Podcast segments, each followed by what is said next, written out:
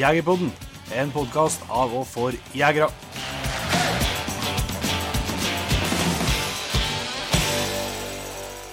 Hjertelig velkommen til en ny episode av Jegerpodden. Da er jeg sett før igjen, Inge. Yes, det gjør vi.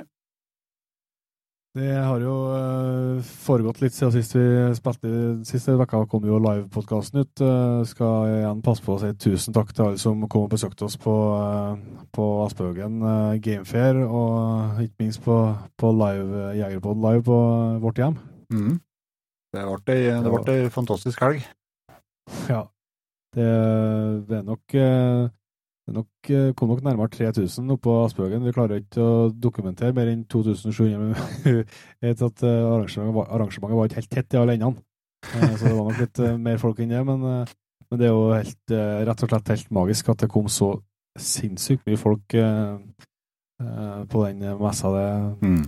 det smakte skikkelig godt etter mye hardt arbeid, så det var kjempeartig. Så tusen takk for det. Vi skal i dag prate med en uh, Jon Erling Skåtan, som er ja, sikkert et kjent navn for en del. Og han er jo både et profilert navn gjennom mye artikler i, i jaktmagasiner. Jeg har skrevet noen bøker, og han driver Tømmerkoias Kennel, som sikkert en del kjenner til. Mm. Så det blir en spennende prat og litt oppladning til julekvelden som holder på å nærme seg med stormskritt med 25.9. og elgjakt for oss, Inge. Ja. Ja, og så er det litt, litt annen vinkling på. Altså det, blir, det var mye prat om avl og indekser, blant annet på hunder, og, ja. og, faktisk litt uh, finsk spetsprat òg. Altså, jakt med treskjeller, det, det, er jo et tema vi ikke har hatt noe om før. Mm. Så det har dere nå se fram mot. Det, jeg koser meg i hvert fall gjennom hele praten. Mm. Uh, vi skal ta en ting her som er før vi slipper til det som er jæklig artig, rett og slett. da. Vi, i, tidligere i vår, her, tidlig sommeren, så la vi ut et spørsmål på, på Team Jegerpodden-sida vår på Facebook, den Facebook-gruppa der, om det kan være interesse for at vi skulle prøve å få til en, en Jegerpodden-tur på drivjakt. Yes. og det viste seg at det var ganske stor interesse for når vi stilte spørsmålet, mange som var interessert. og så har vi jobba litt videre med Vi hadde egentlig tenkt at vi skulle rekke det i høst, men vi vi klarte ikke i, i, lag med Safarimax, som vi har fått med oss på laget, å finne et område som vi var sikre på eh, var godt nok eh, med så kort, på så kort varsel. Da. Så Derfor så har vi jobba litt videre med det i lag med, med Safarimax, som har kommet opp med et, et det så vidt jeg kan forstå, i hvert fall virker til å være et skikkelig kremopplegg eh, på drivjakt. Mm. høsten 2020. Så der håper vi skal klare å få til en jegerpodentur, og vi har litt planer for å få til litt action når vi har kommet oss ned dit med litt podkast og forskjellig òg, men uh, det er i hvert fall ei, ei drivjakt uh, som uh, i Polen, der det er Vi har fått gjort litt i lag med Safarimax, gjort litt endringer på det som ja, måtte kanskje det som er mer standard. Ja, utover en, utover en vanlig drivjakttur, vil jeg si. Yes.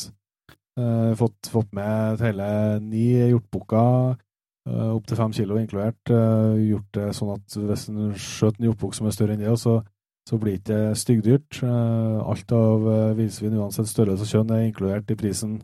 Uh, Ubegrensa på hodedyr, på, på rådyr og på hjort. Så det er en, en tur med, med, mye verdi, og som skal forhåpentligvis passe, passe mange av dere som hører på, som kunne tenkt seg å på en sånn tur.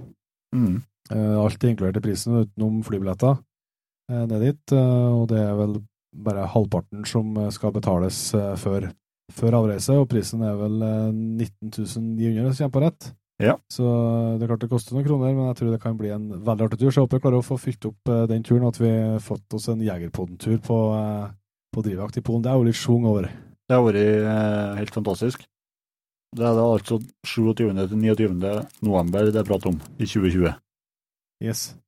Så jeg vet at det har blitt solgt noen plasser allerede, så hvis du kjenner at det er noe du er interessert i, så er det lurt å være kjapt ut, for den kommer kanskje til å fylles opp, i hvert fall.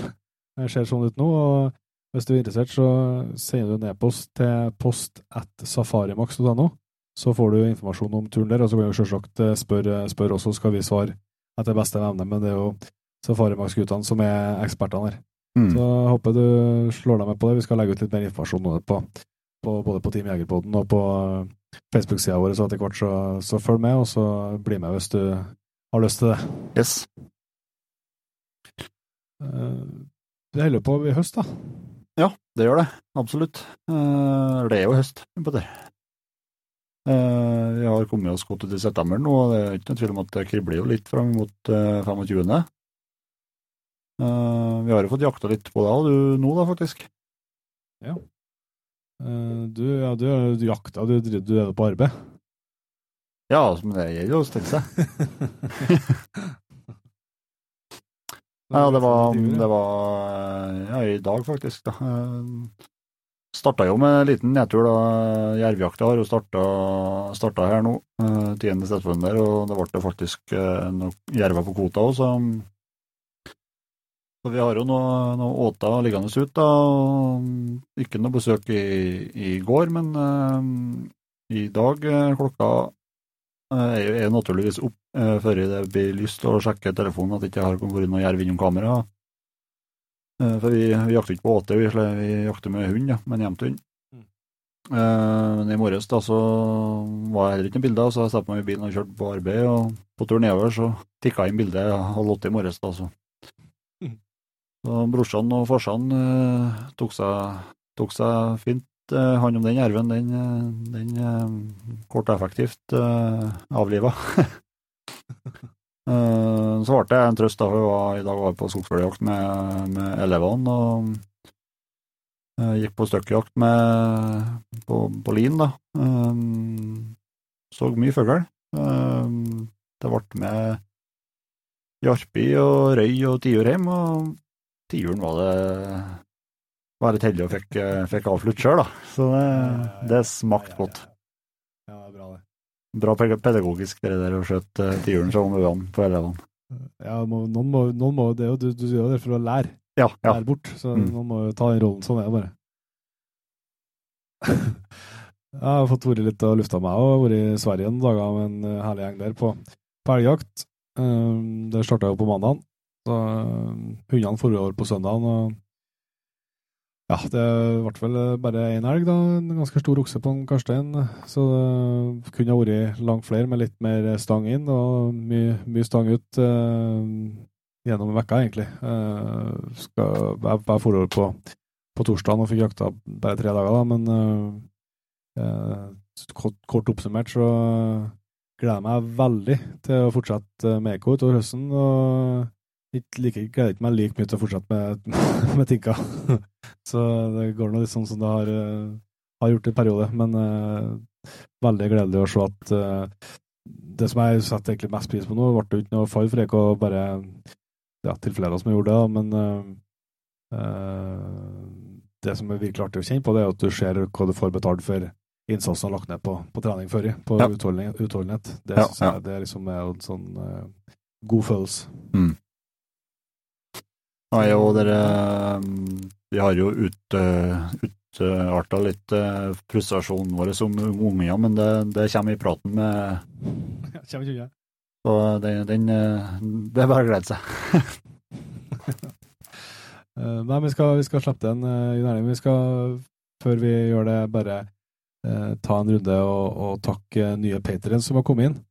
Uh, Ja. Patrien uh, har du jo nevnt uh, mange ganger, så jeg tror folk begynner å kjenne med, med hva det er. Men det er jo rett og slett en del fantastisk herlige folk som har lyst til å støtte oss med noen kroner i måneden for den jobben vi gjør med Jegerpodden, og det betyr veldig mye for, for oss. Både sånn, sånn klappe på skuldra, selvsagt, men òg for at vi får dekket litt kostnader og kan tjene noen kroner på, på de timene vi bruker. Så det setter vi selvsagt enormt stor pris på. Det har kommet inn noen, noen nye. Jeg skal si tusen takk til en Anders Øren. Dan Leo Totland, Jim Rune Van Krokstad, Kai Petter Flesjå, Niklas Kruge Guttu. Robin Kjørsvik Ronny Drogen. og Ronny Haukland.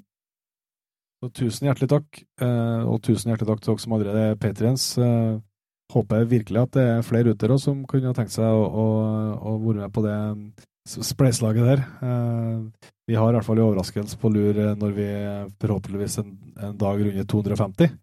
Så da kan jo både dem som eh, er allerede P3-ens og nye som kommer til, glede seg til. For det, da blir det en bonusepisode som, eh, som jeg tror er, er verdt å få med seg. Det er rett og slett en skikkelig sukkerbit. Yes. Det er så. Og det gleder vi oss til å dele når vi, når vi når det målet. Men da skal vi ikke surre noe mer, da skal vi slette over til en uh, Jon Erling. Yes. Da har jeg gleden av å ønske Jon Erling Skåtan hjertelig velkommen til Jegerpodden. Takk og takk. Vi eh, gleder oss jo selvsagt eh, Vi har allerede fått begynt å prøve litt elgjakt i år, noen av oss. Men, men vi gleder oss jo veldig til elgjaktene og ser virkelig fram imot en, en prat om elgjakt. Men vi skal jo prate om, om litt fuglejakt med spets her. Men før vi drar i gang det, Jon Erling, så vil jeg gjerne at du kan fortelle litt om deg sjøl. Ja, jeg kan prøve det. Jeg er født i Lågendalen, opp for Larvik. I det herrens år 1963. Så jeg kan snart kalle meg voksen. Ja. vokste opp i et sånt et skogsmiljø. Det er jo Triste skoger som liksom er den store, den store grunneieren der. Mm. Så far og bestefar og alt som var av slekt, det var jo å jobbe i skauen. Så jeg vokste opp i skauen. Så jeg, tok jeg utdannelsen min på Ås, som heter Landbrukshøgskolen den gang. Nå heter det vel noe Biouniversitetet eller noe sånt. Eh, naturforvalter derfra. Mm. Og så gikk veien til Sørlandet. Så i 89 flytta jeg ned i, til Vest-Agder. Mm. Og så har jeg rota på der siden, da. Uh, har jobba litt uh, som uh, Starta jobbe som lærer på en, uh, på en folkehøyskole. På natur og friluftsliv, naturlig nok. Og Ja. så begynte jeg som selvstendig. Leide meg ut til naturoppgaver av ymse slag. Jobba litt hos Fylkesmannen og Statskog og Sysselmannen på Svalbard. Ja, you, you, you name it, innenfor den eh, bransjen der, da. Mm. Fikk jeg jobb i Statens naturoppsyn i 2001. Og da var jeg vel i mål, følte jeg, i forhold til yrkeskarriere. Ja, ja. Og da, hva, hvilken stilling har du i, i SNO, da? Jeg har, eh, det heter jo naturoppsyn alle sammen, da, men vi har forskjellig ansvar for forskjellige eh, tema. Så mitt, Ja, ja. eh, mitt hovedansvar er rovvilt i Agder og Rogaland. Ja. Ja. Det høres ikke veldig spennende ut egentlig, men vi, for det er liksom utafor teigen. Men faktisk så har vi vel den, er vel den teigen i Norge som har hatt mest besøk av ulv etter Hedmark og Oppland. Så det har vært litt å henge fingrene i. Mm. Er du nå, er du nå ute på kysten og, Ja. um, og driver med noe felling der òg, eller? Ja, altså vi har jo øh, spesialisert, Jeg har spesialisert meg litt på, på dette med mink, da. Ja. Uh, Og tar ut mink i verneområder. Så det, Ja. det bruker jeg en del tid på. Mm. Uh, prøver å Eller da er jo målet at det skal bli helt reint. Mm. Uh, og det er litt annen øvelse enn å bare gå og skyte seg en mink. Ja. Sånn at uh, det, blir, det blir en del dager på kysten. Ja. Bruker du uh, finspetsen, eller? Da er finspetsen som er min, er min greie. Bruker jeg en jevntu Mm, nå, forresten. Eh, Ja. Så den, men den har liksom Ja, begge, begge de to har jo sine fordeler og ulemper, da, men uh, det er jo sånn fin, finspetsen som er eh, hovedverktøyet. Men det bruker, bruker dere feller, feller i tillegg, eller? Ja, altså te, eh, systemet er sånn at vi, vi går over eh, vi går over disse områdene med hund. Tar ut så mange vi, vi klarer med det. Prøver å ta den siste, og så setter vi opp feller over det hele. Kunne sikkert gjort det annerledes òg, med, med, med, med å ta det med, bare med feller. Det er noen som, noen som gjør det òg. Men du kan Mm. si arbeidsinnsatsen er vel omtrent den samme. Altså det høres så enkelt ut å ha ei felle stående, men det er faktisk ganske mye jobb. Du skal Primært fordi at når den slår igjen, så fanger den ikke lenger. Nei. Så du må ta ut den der som sitter inni der. Det vil si at du må Ja. se etter den ganske ofte, og da, da blir det, går, går det mye tid. Særlig da når du må, må ut i båt og, og ymse veier på kysten osv. Så, så, videre. så Så vi går inn noen flere stykker, da, gjerne to, tre, fire ekvipasjer, og så, og så ruller vi over øyene, kan du si, i tur, i tur og orden. Og da Ja. gjør vi veldig mye på en tre-fire dager på, på ganske store områder. Hvordan går den kampen da, skal jeg si, mot minken? Klarer, man liksom, klarer dere å holde det i sjakk? Eller? I de områdene som, eh, som vi har pressa det helt ned, så gjør vi faktisk det. altså. Eh, det er jo mange som er, er, flinke til å jakte mink, eh, men det er vel ingen som på en måte har satt i noe system i forhold til å se hva som skjer når alt blir borte, og hvor, kom, hvor fort kommer de inn igjen, og, og hvor, hvor, lett det er å holde dem vekk og sånn. og det, det, er det vi prøver å få et system på. da.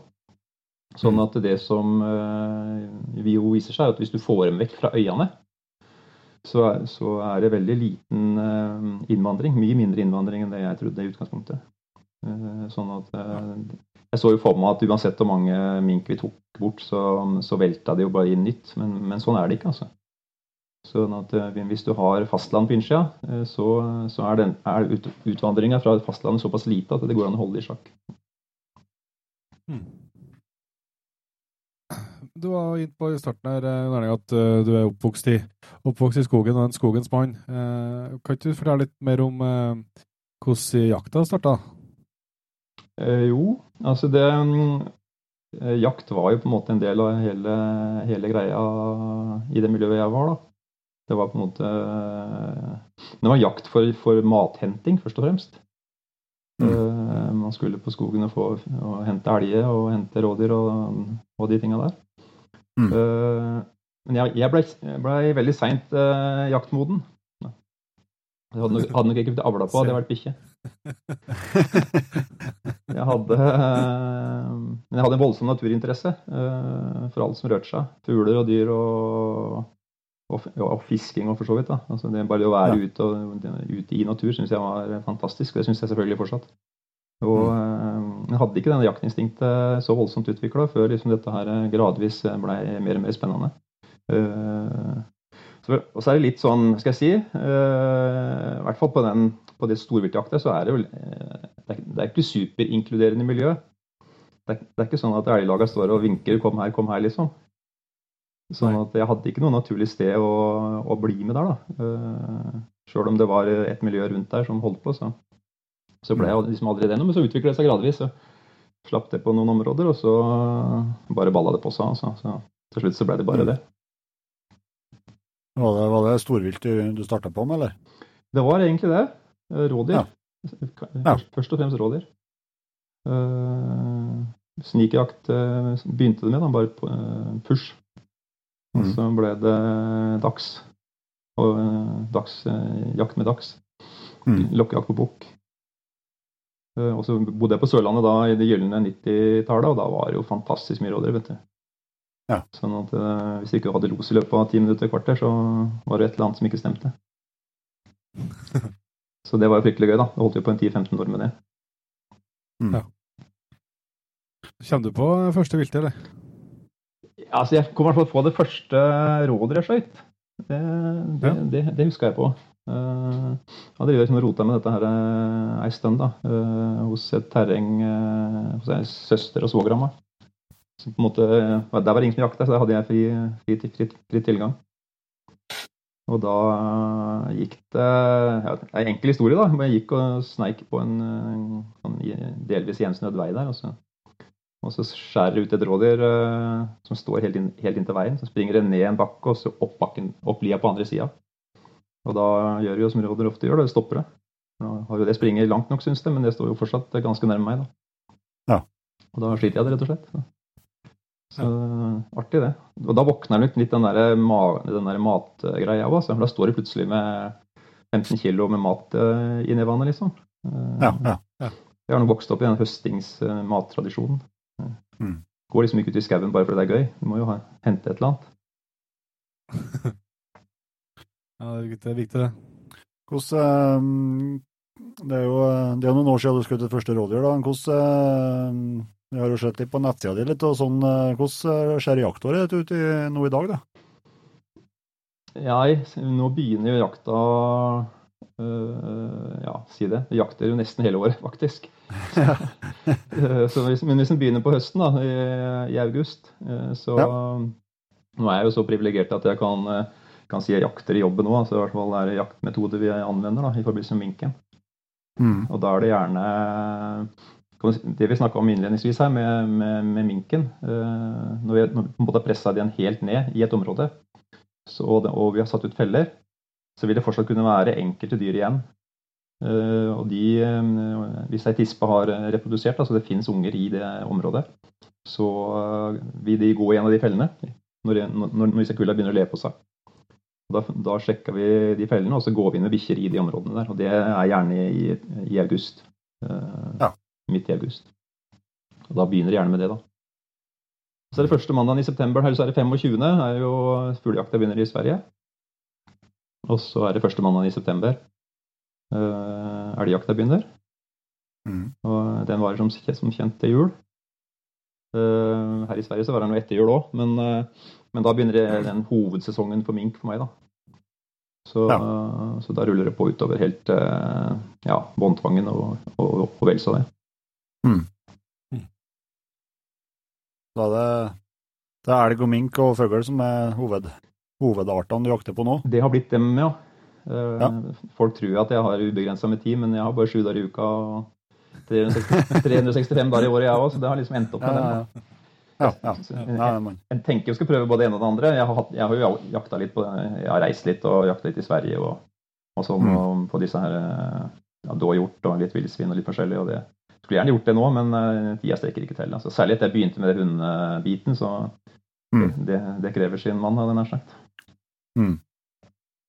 Ja, for at uh, du driver jo en, eh, en kennel som i hvert fall vi er godt kjent på, som heter Tømmerkoias. Mm. der du har jevntunna og, og finspets. men du har jo, jeg så på nettsida, så har du vært litt gjennom litt forskjellige raser? Ja, det begynte med dags, da. Jeg syns jo Dax er, er rådyrhund nummer én. Eh, jeg hadde, hadde, en kollega som, eller en kollega, en jaktkompis som, som alltid sa at uh, når du holder på med dags, så må du vente uh, før uttaket kommer. Uh, de andre, beagle og drever, da må du vente etterpå uttaket kommer. Ja. Sånn at De er jo seine, men det er på en måte hele trikset òg, da. I hvert fall sånn som vi erfarte, så var det hastigheten på huden som var helt avgjørende i forhold til å få rådyr til å ture. Ja. Så Desto seinere det går, desto bedre turer det. Så Det er jo det derfor jeg syns Dax er flott på, på, på rådyr. Ja. Så holdt jeg på i fjellet. Jeg, jeg jo en, hadde jo en drøm om å bli fjelloppsynsmann, hette det jo da. Det ble jeg for så vidt òg. Når jeg ble ansatt i SNO, så var det som, for, for, å, for, å, jobbe i fjellet primært, da, i tillegg til rovvilt, som jeg snakka om. Og da Det å ha med seg en, en hund i bånd når du går i fjellet, er helt suverent. Jeg har jo Setesdalsskeiene, som er min, min, mine fjell. Veldig kupert og veldig uoversiktlig. Og da har jeg hundenese som forteller hva som foregår rundt deg, er uh, uovertruffent. Mm. Så da ble det en gråhund. Bannhund. Ja. Uh, men i det miljøet jeg vokste opp, da, det, jeg, jeg, har tenkt litt over det. Liksom, hva, hva, er det som gjør at du egentlig ender opp med de tingene du ender opp med? da. Men i det miljøet jeg vokste opp, så var det uh, løshundjakt som var greia. Uh, ja. Men da må du ha tilgang. Altså, du, 5000 mål, liksom, og så en løshund er ikke all verden. altså. Så du må ha tilgang, må ha arealer. Etter hvert som det ordna seg, da, så, så starta jeg med, med eller fikk jeg tak på en gråhund som skulle være bra på, eller som skulle ha potensialet mm. som løshund. da. Og den, Jeg skøyt en god del dyr for den, faktisk. Det går an å skyte en del elg sjøl om ikke bikkja er all verdens. uh, og så var jeg innom en Eller så uh, Ja, det var vel egentlig sånn jeg satt og kjørte. Det, det blir jo en del timer i bil. Og, og innså at hvis det skal bli noe sving på, så må jeg få tak i meg noe annet. Uh, og så prøvde jeg meg med, med en hjemthund. Uh, den var i grunnen enda dårligere, for å si det som det er. Så da var det liksom ordentlig sånn samling i bånn i forhold til hvis jeg skulle bruke For jeg brukte mye tid på elgjakt den gangen òg. Uh, ja. hvis, hvis, jeg skal bruke så mye tid på dette her, så må jeg enten så må jeg liksom dra til ordentlig, eller så må jeg gå over til å bruke tida på til noe annet. Og da dro jeg til og fikk hjelp av en kollega som har god greie på, på hjemtuner. Fikk tak på noe som skulle være bra. Uh, og det var det òg. Det ble knallbra. Og så har det bare rulla på derfra. Mm. Og finspetsene, da, når du begynte å komme inn i, i folden da? Ja, det er en historie for seg sjøl. For jeg gikk jo på Ås på Landbrukshøgskolen og hadde aldri sett en finspets i mitt liv. Eh, og så en dag jeg skulle ned på instituttet, måtte være når jeg holdt på med hovedoppgava, så sto det bindet ei bikkje til Bjørk på utsida av instituttet der, i nysnø.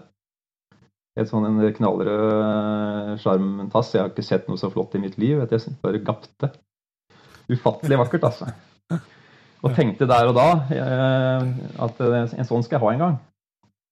Og undersøkte litt rundt det, men, men dette er jo energiske bikkjer. Masse energi. Mm. Så hvis man bruker dem fem til ti dager i året, var, var jo helt fånyttes. Men når det da bøyer seg en anledning gjennom minken til å bruke den kanskje 30-40-50 dager i året, mm. Mm. så uh, var det spetsen sin tur. Mm. Vi skal litt uh, tilbake til, til, til spetsen nå, men vi er jo glad i å snakke litt uh, våpen og optikk. Og vi har Erling, uh, hva, er det du, hva er det som er, er førstevalget når du er ute i, ute i, skogen i Sverige nå? Ja, det vet uh, Det er egentlig feil mann å snakke med det om. For jeg har jo null nada interesse for det, egentlig. Bare det virker, så er jeg happy. Men det, men det skal det jo, da. Det, og da, da, må du ha litt interesse for det likevel, for du må jo få tak i noe som det er noe, noe skikk på. Jeg mm. kjøpte meg en, eh, en, Remington, det billigste du kan få tak på, tror jeg. Jeg var student. Eh, da var dollaren var eh, lav eller høy, eller hva det heter. Og fikk en ny Remington for en billig penge. Og satte en lyddemper på den da når, den, når det blei ble inn, og syntes dette funka bra. Og det gjorde det for så vidt òg. Men mm. så var det en luring her som dere har prata med før, han Espen Haugland, som jeg var innom på ei messe bare sånn, og så stakk han i handa mi en blazer, sånn en R... Hva heter den? R93 Proof. Sånn ja. ja. Mm. Og det skulle han jo ikke ha gjort, da, for da røyk det jo 25 000 på et øyeblikk. Men det ble litt annet enn Remington? Ja, vet du, at det, skjønner at våpen er jo ikke våpen. og Det er forskjell på dem. altså. Det kan du si hva de vil, men det er det jo mm. faktisk. Så den eh, var Den sto ved Jeg var redd, jeg var redd for den rettrekka-greien, da. Eh, for jeg tenkte at nå skal jeg stå og røske i den hevarmen. Jeg har jo hørt om de som har tatt opp kniven for å prøve å få løfta hevarmen på en sånn en. Men uh, han sto, ved, ved, ved, sto i stua og var tilgjengelig hele sommeren. Jeg sto og klikka på den tømmerkoia, de her endestokkene der. Og jeg har mm. sant å si aldri bomma med det, altså på, på uh, repeteringa der. Så den uh, Eh, så den eh, Ja, det var bare en del av kroppen plutselig, den. Altså. Så den, det er den jeg jakter elg med. Ja. Og så har jeg ja. Det er kanskje ikke helt rettferdig å overføre Remington og sammenligne Remington og Blazer, tror jeg. ikke, ikke, helt. Ikke, nei, ikke helt. Så, nei, det, det er altså A-trekka er jo som en eh, Ja, det er så mjukt og flott mm. som du kan få det, og det ligger en jeg har en Atec-demper på den, som den veier jo litt mer enn en, eh, disse nye altså nå, men, men, den balanserer børsa veldig, veldig fint. Sånn at ja. Eh, jeg syns den, den, har blitt veldig veldig bra. Altså. Jeg kan ikke, skyte, jeg kan ikke skylde på utstyret. Og går som ei stråle gjør hun. Mm. Mm. Så det er elgen som får det med den. da, 308 kaliberet. Ja. Ja. Uh, og så har jeg faktisk nå Litt tilfeldig, men jeg endte opp med den her uh, Ecostriken til Norma som ammunisjon. Ja. Det var I forbindelse med det uttaket på, i Nordfjella på rein, så, så, skulle vi bruke uh, kobberkuler. Da. Og da ble jeg venner med den. Den gikk også, også meget, meget bra, også på litt lengre hold. Ja. Mm.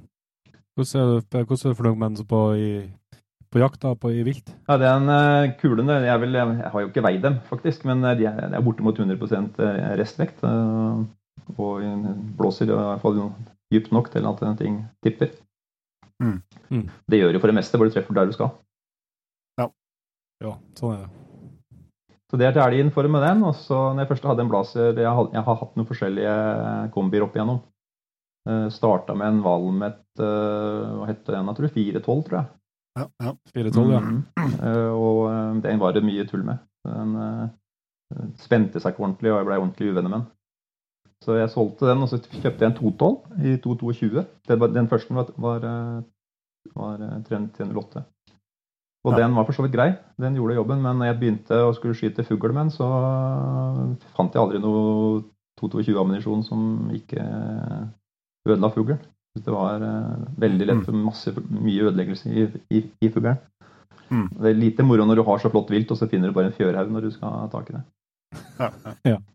Så Det jækla fart, ja. ja, det var noe som skjedde der, og, og veldig følsom selvfølgelig, for, eh, for liksom, aldri sliten pinne imellom, Liksom, så tipper kula, og så blåser det sunt, vet du. Ja. Så jeg tok, eh, og pluss at når jeg, når jeg, gjorde det valget med å gå over til et annet kaliber, så hadde jo bjørn, det er jo ofte en bjørn eller to igjen på kvota når jeg begynner å jakte fugl. Sånn at eh, det er dumt å stå der med ertepistol når du trenger noe som er større. Så da ble det en blazer der òg, da.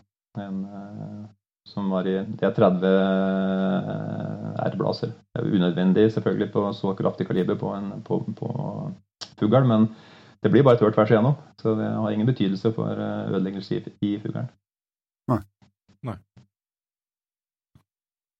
Riktig. Er det, det er drilling, det, eller? Nei, det er en kombi, det òg. Kombi, ja. ja. Mm. Du kan si når, vi, når vi går sånne plukker på, på, på finspett, så er det jo veldig sjelden du fyrer mer enn én gang, da.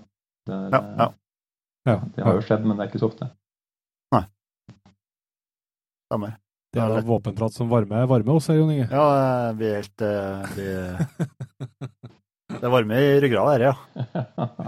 Det er sånn. Det er sånn. Jeg, regner med at hvis ikke de finner opp noe veldig smart nå, så har jeg kjøpt den siste børsa mi, tror jeg.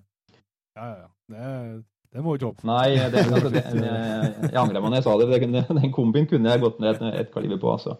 Den er uh, unødvendig sprek, kan du si, når du skal til å plukke på vilt, eller på, på, på fugl. Mm, mm. Vi får se. Men uh, vi har lyst til å bli litt uh, eh, mer kjent med tømmerkoia, vi, Jon Erling. Eh, du har jo holdt på med den i noen, noen år? Ja, denne ble jeg jo født eh, i en bil. Du kjører, eh, det tar 14 timer å kjøre opp her jeg er nå, oppi, oppi her, og det, da blir det tenkt en del underveis.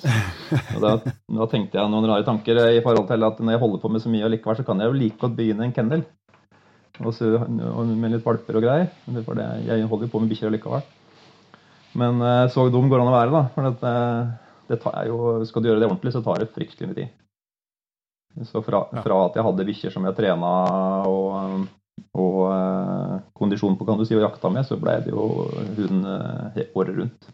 På en helt, Mm. annen, på en helt annen måte. Og ikke minst eh, dette med å lese stamtavler og finne ut av ting. og bli kjent med folk og ja, jobbe med Få folk til å gå prøver, eh, hjelpe dem med utstillinger, ja, tipse dem om hvordan ting og tang skal være. Sånn, så det skulle jo, skulle jo vært uh, uføretrygda, vet du. Men eh, hvordan, er du sånn eh, autist du er på, på stamtavler og hundenavn og eh, sånt? Det er jo noe, det, er jeg blir jo stadig fascinert jeg jeg, jeg har sett, jeg merka bitte litt for meg sjøl i perioden når jeg skal ha en kvalp eller eh, er litt på utkikk, så sitter du og følger med over i tid, så, så kjenner du igjen noen navn og sånn, men, men jeg er jo, når jo ikke eh, dem som virkelig er gode bare opp til, til legen. Uh, er sånn du har satt, liksom, du, du husker ekstremt på hundenavn? eller? Ja, ifølge kjerringa så gjør jeg det. Jeg, kjenner i hvert fall mye bedre Jemtuns historie enn jeg kan min egen familie, ifølge henne. Men, men eh, jeg er ikke sånn heit rå. Eh, Jeg er mer opptatt av prosenter og, og bredde og tidlig jakt og de tinga der.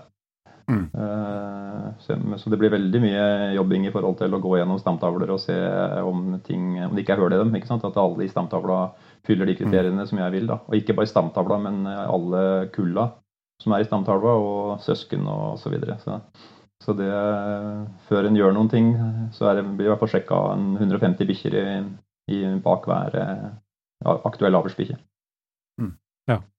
Kan ikke du fortelle litt om hvordan du gjør den eh, jobben der? Altså når du, du vurderer en, eh, en ha- hanne, f.eks. Altså, hva, hvordan, du, legger opp jobben? Ja, ja, nemlig. Nei, da tar jeg og skriver ut, skriver ut en stamtavle, så jeg har, har alle bikkjene og vet hvem de er. Uh, og så går jeg rett og slett inn og sjekker hver enkelt bikkje. Uh, når den er premiert, om den er premiert. Uh, foreldre, besteforeldre, oldeforeldre. Også kulla deres. Altså den, den, de er en del av. Det, det kullet de er en del av. Mm. Eh, og da får du ut uh, antall bikkjer. Eh, Hvis vi tar foreldregenerasjonen, så, så er det gjerne en eh, 12-15 bikkjer. Og da får du ut uh, at det er en 12-15 bikkjer, og så finner du ut kanskje at åtte åtte av dem er, er, er premiert. da. Og sånn tar du generasjon for generasjon bakover. Mm. Og hvis det skal være en aktuell eh, avlsbikkje for meg, så bør eh, i hvert fall komme ut med at eh, over, over 50% er premiert. Mm. Ja. Pluss at de må begynne å jakte tidlig, selvfølgelig. da. Altså, det Ja. hjelper, hjelper ikke å være Men med, med tidlig så, så er det ikke sånn valp tidlig, men eh, at de eh, blir premiert første ordentlige høsten som de er jaktmodne. Mm. Når tenker du deg med jakten, når, tenker, når, når du sier jaktmoden, da, hva, altså, hvis de er tolv måneder første høsten, er de jaktmoden da, tenker du? Ja. de Jeg, jeg ser jo for meg det, da. Men uh, høst, det blir litt urettferdig for de høstfødte, da, vet du. Ikke sant? Som uh, kanskje er født i oktober-november. Uh, de, de kan jo få en veldig kort sesong, da. Mm. Sånn at Ja. det blir litt urettferdig for dem. Men, eh, Mm. men eh, rundt året, ja. Og så og fram til de er eh, mellom året og, eller, og 24 måneder, kan du si, så, så bør de være jaktpremiert.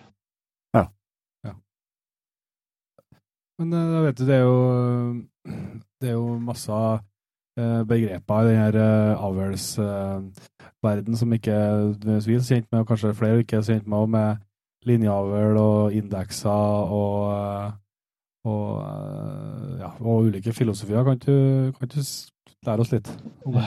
jo, har du mange dager har vi. Det, eh,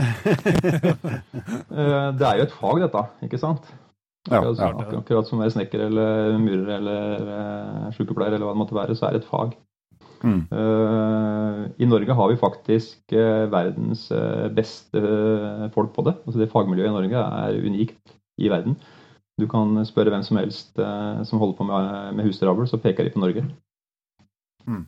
Eh, og det greier vi ikke å utnytte i, i hundeavlen av en eh, eller annen merkelig grunn. Så, så gjør vi ikke det. Eh, og det som er eh, det som på en måte er vært, eh, verdt eh, trikset da, for å få husdyravl til å gå så mye framover som det er gjort de siste ja, si 30 åra, det er noe som, som heter indeksavl. Mm. ja, som sagt, vi skulle hatt noen flere dager, men kortversjonen er at vi, all, vi alle og alt og alle er et resultat av arv og miljø. Mm. Og skal du, skal du avle, så må du ha tak i den biten som handler om eh, arv. Det, nytter ikke å avle på miljø. Sånn at eh, du må, må skille den eh, arvebiten ifra miljøbiten. Mm. Og, eh, og for å si hvordan de gjør det enkelt, så, så ser du på slekta til det aktuelle individet. Fordi slekta har de samme genene eh, som eh, det individet som du er ute etter. Og da er de andre individene i, i andre miljø.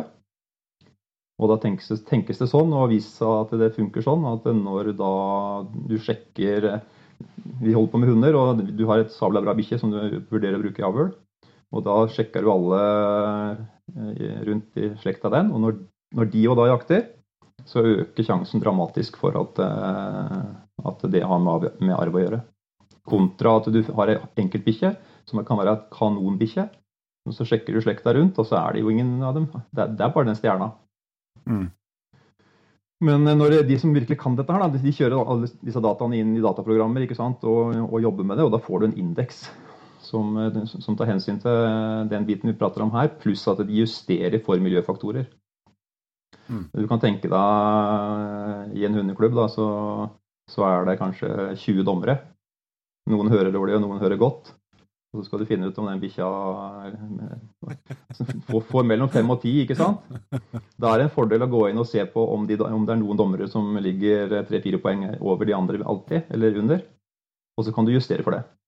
Og sånn finnes det jo da, Du kan justere for det mest utrolige så lenge du finner, eh, så lenge du finner et system på det. Mm. Og da, og da kommer du ut med en indeks, og den indeksen er mye, mye, mye høyere sikkerhet på enn å bare gå på et enkeltindivid.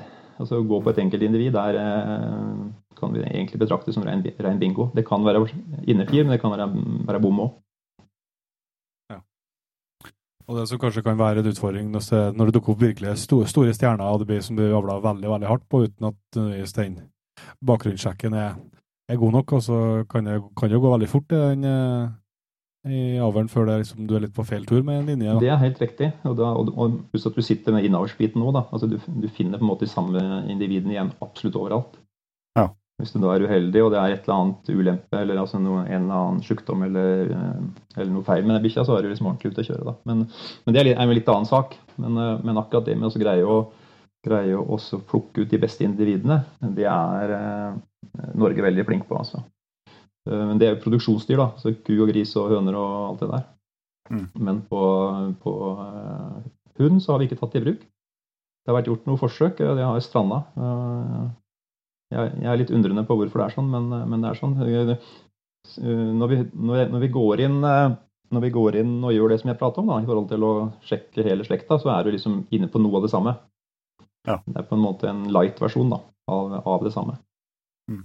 Eh, Det sier noe kanskje mer om hvor, hvor distré jeg er, men eh, jeg har tenkt ikke over det før jeg, før jeg begynte å lese litt på nettsida di om det. Men eh, jeg er jo sørbonde sjøl, og jeg vet jo når eneste vi tenker på når vi skal finne nye avlsøyer, værer og alt sånt, da, da ser vi jo kun på indeksen.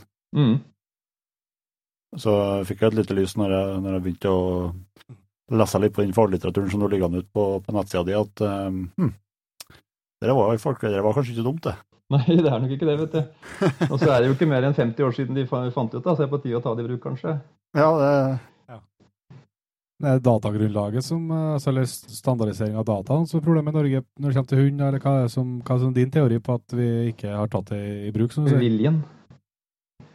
ja. Vondt i viljen. Ja. Nei, altså det som er, er at øh, produksjonsdyr så må du ta det i bruk, ellers så går du konk. Altså Du kan Mm. ikke holde på med kuer som produserer 1000 liter melk. ikke sant? Da er du ferdig i løpet av et år. da. mm, Så Der må du henge med, eh, og du må, eh, og du må produsere ja, 6 7 8 9 10 000, eller hva det er for noe. Ellers så har du Mm. ikke kjangs. Eh, Du kan lekende lett leve hele livet med bikkje som ikke jager. ikke sant? Det går fint. Nei. Nei, nei, nei det, er, det er for så vidt helt sant. Men, men mange kan det. da. Så du har, du har ikke det samme, du ikke det samme eh, incitamentet for å få ting til å funke. da. Men det som når du, du, du sjekker hele slekta og sånt, eller så hvor, eh, men klart en, eh, hvor mye data, altså hvor mange hunder må du ha inn, eh, inn i et, eh, et program før du kan ta ut en indeks som, som, eh, som har verdi? Ja, det, det som jeg holder på med, er jo ikke noe indeks. Det er jo bare en, sånn en juksetilnærming, ikke sant? fordi vi ikke har noe indeks. Men, eh, men i forhold til en skikkelig blup-indeks, som, som det heter, da, eh, det, det er jeg for dårlig på, altså hvor, hvor mye du faktisk eh, må ha. Men, eh, men eh, jeg så eh, Norge gjorde det jo for noen år siden. Finland gjorde det nå for et par år siden. Jeg, reiste forresten bort og para med den som en av de som toppa den lista her eh, i vinter. Eh, Det ble 3800 km tur-retur. Og, og et kjempekull med to valper. Så der. Har nesten til dieselpenger. Ja, det er bare så vidt, tror jeg. Men eh, sånn sett er det bare tøys å reise til Finland. Vi har jo akkurat de samme bikkjene i Norge. Eh, Mm. Men vi er mye Og, vi, er jo, vi, henter jo mye materiale. Hundemateriale. Så vi har jo de samme genene her. Men, eh, men vi er dårlig, så dårlige til å dokumentere. Sånn at sikkerheten da, med å gå og hente noen som du vet at det der jager omtrent alt rundt den bikkja, da øker jo sikkerheten i de tinga du driver med. Klart det. Men uh, Tømmerkoia har jo eh, gått bra. Må jo få gratulere med Det ble jo NM-vinger på kennelen i, i fjor, da. Ja, det var jo ordentlig moro, da. Så Det det, vil jeg tro, ja. det var det. Det, var, det, det, det røyk en jakta der, for å, for å si det sånn. Jeg, jeg var oppe i Vesterbotn og rota, og, og hadde vel mer nok med å følge med på hva, hva han eh, Lars Johan drev med, enn å jakte sjøl, ja. Så, mm. så, det, så det var gøy. Det var, ikke, det, var ikke bare, det var ikke bare en vinner, det var jo, det var jo eh, respektable poengsummer begge dagene. Det var knusing, ja. Det var rett og slett det. Så, så han hadde, hadde ordentlig god dag. Eh, Ja. Det, var, så det var gøy. Så jeg har jo litt, litt sånn filosofi rundt dette med, med når du snakker om, eh, om liksom egenskaper og sånn, og at, at eh, for, for Vi vil jo gjerne at bikkjene skal Vi snakker elgen da. så Vi vil gjerne at bikkjene skal søke godt. ikke sant? De skal stå i uttak, og de skal henge på, og det skal være god bjeffing, altså god losmål osv. Alle de egenskapene som vi, som vi kjenner. Og det, jo, det vil jo alle, og det vil jo jeg selvfølgelig. Men jeg tenker at eh, det kommer eh, hvis det er mange som jager. Og så har du får du et kull med åtte valper, da, så, og det er bare en to-tre som er noe trøkk i, så er det jo ikke så veldig god sjanse for at en, av dem er suverene. Har du kull hvor eh, alle sammen er eh, jager, så øker sjansen for at noen av dem er ordentlig bra. Mm. Fordi at det er veldig veldig vanskelig å plukke ut de egenskapene, skille de egenskapene fra hverandre. Så jeg tenker, jeg tenker jaktløst, og så, blir det bra bikkjer ut av det. Mm. Men uh, det, Ja, vi er jo selvsagt en viss forkjærlighet for jevntunder. Uh, hvordan det er, jeg som ikke kan så, så mye om det. Altså, det er jo snakk om svenske linjer og, og finske linjer, og at det er så voldsomt på jaktlyst. i finske hunder og har, har ikke kontakt. Og, men de er så, så blir de for små, og så er svenskene for store. Hva, hva, hva, er som dine liksom, uh, tanker liksom, Hvor stor forskjell er det på det svenske og finske linja og sånt? Nei, nå er jeg jo så blanda opp her at det er ikke så godt å si det, altså. Det, det som uh, Finland åpenbart har gjort, da, uh, det at de satser veldig hardt på jakt og jaktlyst. Mm. Uh, og, og, ikke så stive på eksteriøret. Uh, og det er selvfølgelig veldig mange i Sverige som, som gjør òg. Sånn at du, du, finner masse godt materiale i Sverige. Men så er det sånn at i Sverige så er jevnthuden altså nasjonalfuglen, hadde jeg nær sagt. Den nasjonale hunden. Mm. Sånn at det, du finner jevnthunder overalt, ikke sant? og alt blir solgt. Sånn at de, de, er, de, er, litt under samme, de har litt av samme utfordringa som det Norge har med, med gråhuden. At, at uh, alle skal ha en gråhund nesten om de ikke jakter. ikke sant? Så det, skal det være en, en gråhund på gården. Og sånn, mm. og sånn at det, i, i, Sverige så har du nok litt begge deler. da. Både, mm. både knallhunder og, og, en del hunder som, og, og, linjer som ikke er så bra. Mm. mm. Hvor, eh, når du ser på når du ser på eh, jaktpremieringene, når du, du, du har ikke den indeksen så du har Men du, hva justerer du først sjøl på et vis, eller i bakhodet? Jeg har jo en svenske som uh, har gjort meg veldig mye uh, med, med, hundene mine, som er veldig, veldig erfaren løshundjeger. Og hatt en del, avla en del, og han, han sier jo Hans motto er at alle finner på å kjøpe hund sør for Dalelva. Da, da har du ikke troa på. Nei, ikke sant? Fra, han, så det er noe med det, det Han legger det går på, på søk, og, mm. og, at de er vant til, til annet, altså et vilt som altså at elgen i, i Nordland er, ja, er vanskeligere, og det er lenger imellom mm. dem. Eh, hva Justerer du for sånt når du driver og ser på linja, altså hvor, hvor de er hen? Ja, en gjør jo det, da. Men jeg tenker kanskje litt eh, andre veien, enn jeg har sagt. Altså at, eh, at f.eks. Norske, norske kull, da så altså, mm. kan si de, de samme hundene, akkurat de samme linjene, kan ha kullverdier. altså Med kullverdier så mener jeg hvor mange i et kull som er premiert.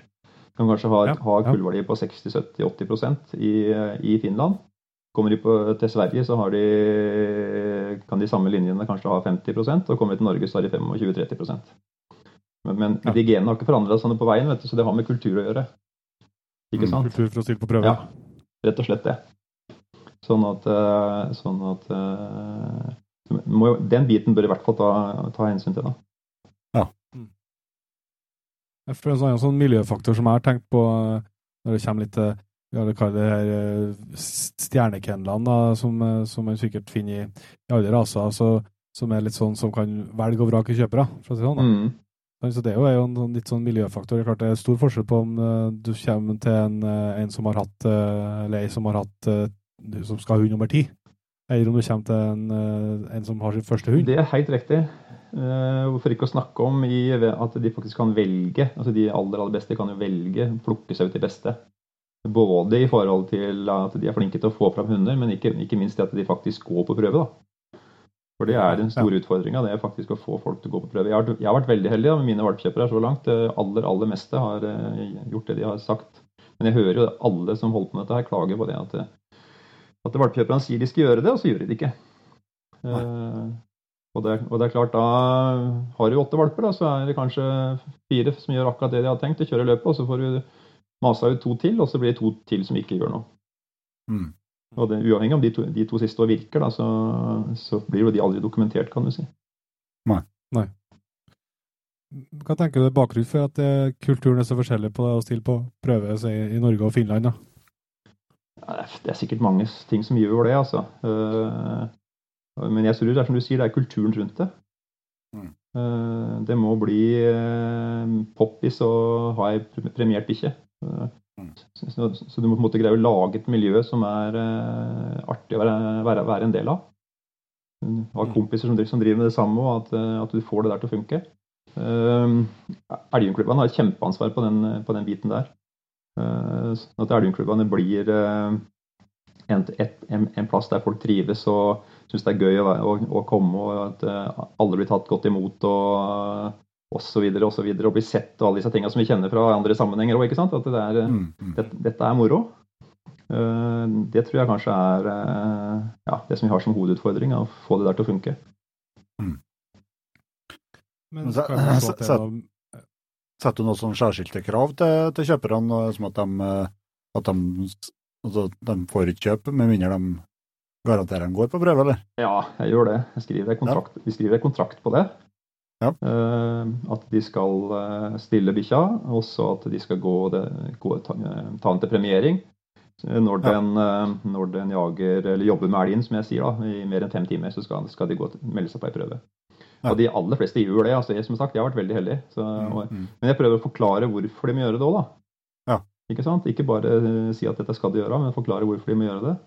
Eh, For det første, så i forhold til at Grunnen til at du kan kjøpe ei bikkje nå som høyst sannsynligvis kommer til å jage, det er at alle folk som har gjort det før da. Ikke sant? Mm. Og eh, neste gang du skal kjøpe ei bikkje, så vil du òg ha ei som jager. Så på en måte ditt bidrag til at du kan få ei god bikkje en annen gang, det er å, å stille opp på den utstillingen og, og, og få premiert. Ja. Og det skjønner jo de fleste når du på en måte vinkler litt på den måten. Så det, det er, jeg ser at det er masse spørsmål, altså, så jeg må, jeg må bare kjøre på. Det er sjansen nå. Eh, det som eneste jeg lurer på, det når, eh, når du ser på, på, på Hitta Elghund, sånn, så dere kan se på ja, på en plass, har men du kan se på prøveresultatene. Mm. Hva tenker du sånn når du ser Jeg er liksom vært usikker på hva du ser hunder som eh, altså at de har stilt på fire, fem, seks prøver, og så har de tre topp førstepremier og så tre nuller. Ja, men det er jo bra. Altså Det er verre hvis de har Ja, altså, så- en trepremie og noen få poeng og masse forskjellige resultater. Men Ei nullprøve kan jo være ei bra prøve. Altså, igjen så kommer det litt an på hvor det er, da. Og egentlig mange sånne, sånne, sånne ting, da. Men, eh, men som jeg sa, jeg, jeg går ikke inn og studerer faktisk, ikke studerer resultatene så mye før jeg på en måte begynner å nærme meg den bikkja som eh, jeg har tenkt å bruke. da. Eh, fordi at eh, det er så fryktelig mange faktorer som avgjør eh, åssen det resultatet blei. Eh, sånn at, men som du sier, har du på en måte ti, gått ti, ti prøver, du har sju nuller og så har du tre kjemperesultater, så er jo det egentlig Litt avhengig av hvor det er, så er det sannsynligvis ei, ei bra bikkje, da. Jeg er litt inn på det, altså, samme, samme med altså, hvor prøven er gått an, og når på året den er gått. Legger du, legger du liksom vekt på det, eller? Altså, Nei, eh, jeg- Desember, januar Jo, altså, det, det, sånn vil det jo være, da. Altså, det, men eh, jeg, som sagt, jeg, jeg, når du kommer dit hen at du har på en måte plukka deg ut en, en avlshund, for min del så er jo det en, en hannhund som jeg skal ha tak i, så vil du kunne se litt på akkurat de rundt, rundt der, da. Men, men jeg legger, jeg, jeg legger, det er liksom ikke den biten som er, som er, som er, som er viktig. altså. Bikkja må virke. Nei, nei. Kan du si, Ja. Har du fått 90 poeng, så virker hun, altså. Ja, ja. ja. Uavhengig om det er uh, i november eller eh, des desember eller januar. Jeg har sett Mm. noe statistikk på det, faktisk, og, mm, og det viser seg at januar er ikke så forferdelig mye eh, lettere enn eh, november og desember. Sånn at uh, Nei, jeg har vært... ble diska i januar, ja, så det, så det, det er ikke noen garanti av noen, Smertelig- noen Nei, nei, nei, ikke sant. Nei, så det, da er det nok kanskje viktigere, som vi var inne på her i stad, hvor de prøvene er gått. Ja. Altså, det er ikke noe tvil om at det er vanskeligere desto lenger nordover og høyere du kommer til fjells. Eh, Mm. Så klart, bikkjer som, eh, som får det til der òg, det er gode bikkjer, altså. Mm. Men så har du det med miljøfaktoren, da. Ikke sant? Altså, det hjelper ikke at du har ei god bikkje som, eh, som er rasende dyktig på de greiene der, hvis det er ting den har lært seg. Jeg, jeg, altså, alle bikkjer lærer eh, å jakte elg ved å være løs i skauen. Mm. Og noen lærer fort, eh, og noen lærer seint. Noen, noen lærer aldri. Og Jeg vil gjerne ha tak i de som lærer, lærer fort. da. Ja, ja. Sånn at, øh, og og så vil, øh, vil det ofte Eller jeg, jeg tror i hvert fall Det har jo ikke noe, har jo ikke noe dekning for, men jeg tror at det er veldig mye den altså Det er bikkjas egne egenskaper, selvfølgelig, i utgangspunktet, men òg de hendelsene som skjer i de første møtene med elg opp igjennom. Mm. Mm. Du, du kan tenke deg en som raser inn i elgene, får seg karamell, og skjønner at dette var ikke så smart. Det er klart, det, ved, neste, ved neste møte vil den kunne være mye mer forsiktig. og Du kan kanskje bare sånn enkelt opplevelse som det være nok til at bikkja får helt andre egenskaper enn det hun utgangspunktet hadde i, eh, i genene sine. Mm. Sånn at det å, det å se seg blind på enkeltresultater, det, det, det gjør jeg ikke. Altså. Jeg Nei, nei. finstuderer ikke enkeltresultatene, rett, rett og slett, for at det, jeg syns, syns ikke det er så interessant. Men i og med at det er så mange, altså, eller langt mindre andel som stiller på prøver i Norge, da er det sånn at, eh, at eh, premiegraden er høyere i Norge enn i, i Sverige og Finland. Og så er det flere førstepremier, på et vis. altså at, for det kan jo være grunn til å tro da, altså at, at det er det, dem som vet de har de beste hundene, som, eh, som tar turen på prøve. Det tror jeg faktisk er ganske likt, altså. Eh, Jeg husker ikke, De tallene har jeg nå sett en gang, men det er ikke så fryktelig stor forskjell. Eh, Nei, nei. Det er ganske artig, faktisk, hvis en går inn og ser på litt, litt sånn større materiale. Det vil variere mellom klubbene og, og, og litt fra år til år og sånn, men, men hvis du regner sånn hvis du Bare tar deg litt størrelse på de, så er det temmelig akkurat 65% av bikkjene som blir eh, premiert. Ja. Og det skal du bare, jeg, gikk inn en gang og, sjekka på Norgesmesterskapet da, to-tre år bakover. Og hvis du sier at eh, hvis, du, hvis du tar første dag og sier at det 65% blir premiert, så treffer du med ei eller to bikkjer minus, pluss pluss minus. Og hvis du, hvis du tar nummer, dag nummer to, da, så sier du at det er 65% av, den, eh, igjen, av de som greide første dagen. Da sitter du igjen med de, de antall bikkjer som, eh, som, som greier todagersen.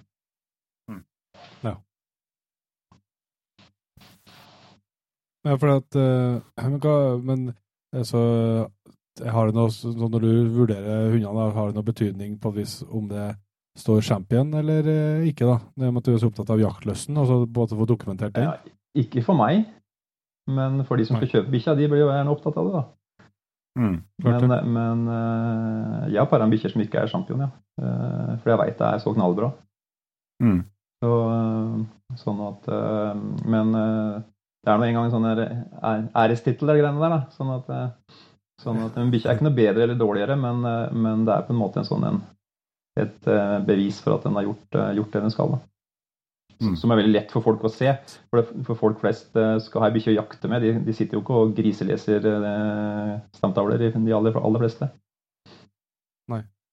Men hva er rådene dine til, til folk som skal ha seg en hund? eh, egentlig Samme hvilken rase, jaktrase det er, men hva er, det, hva er det du vil anbefale at man, at man prøver å passe på før man, før man bestemmer seg?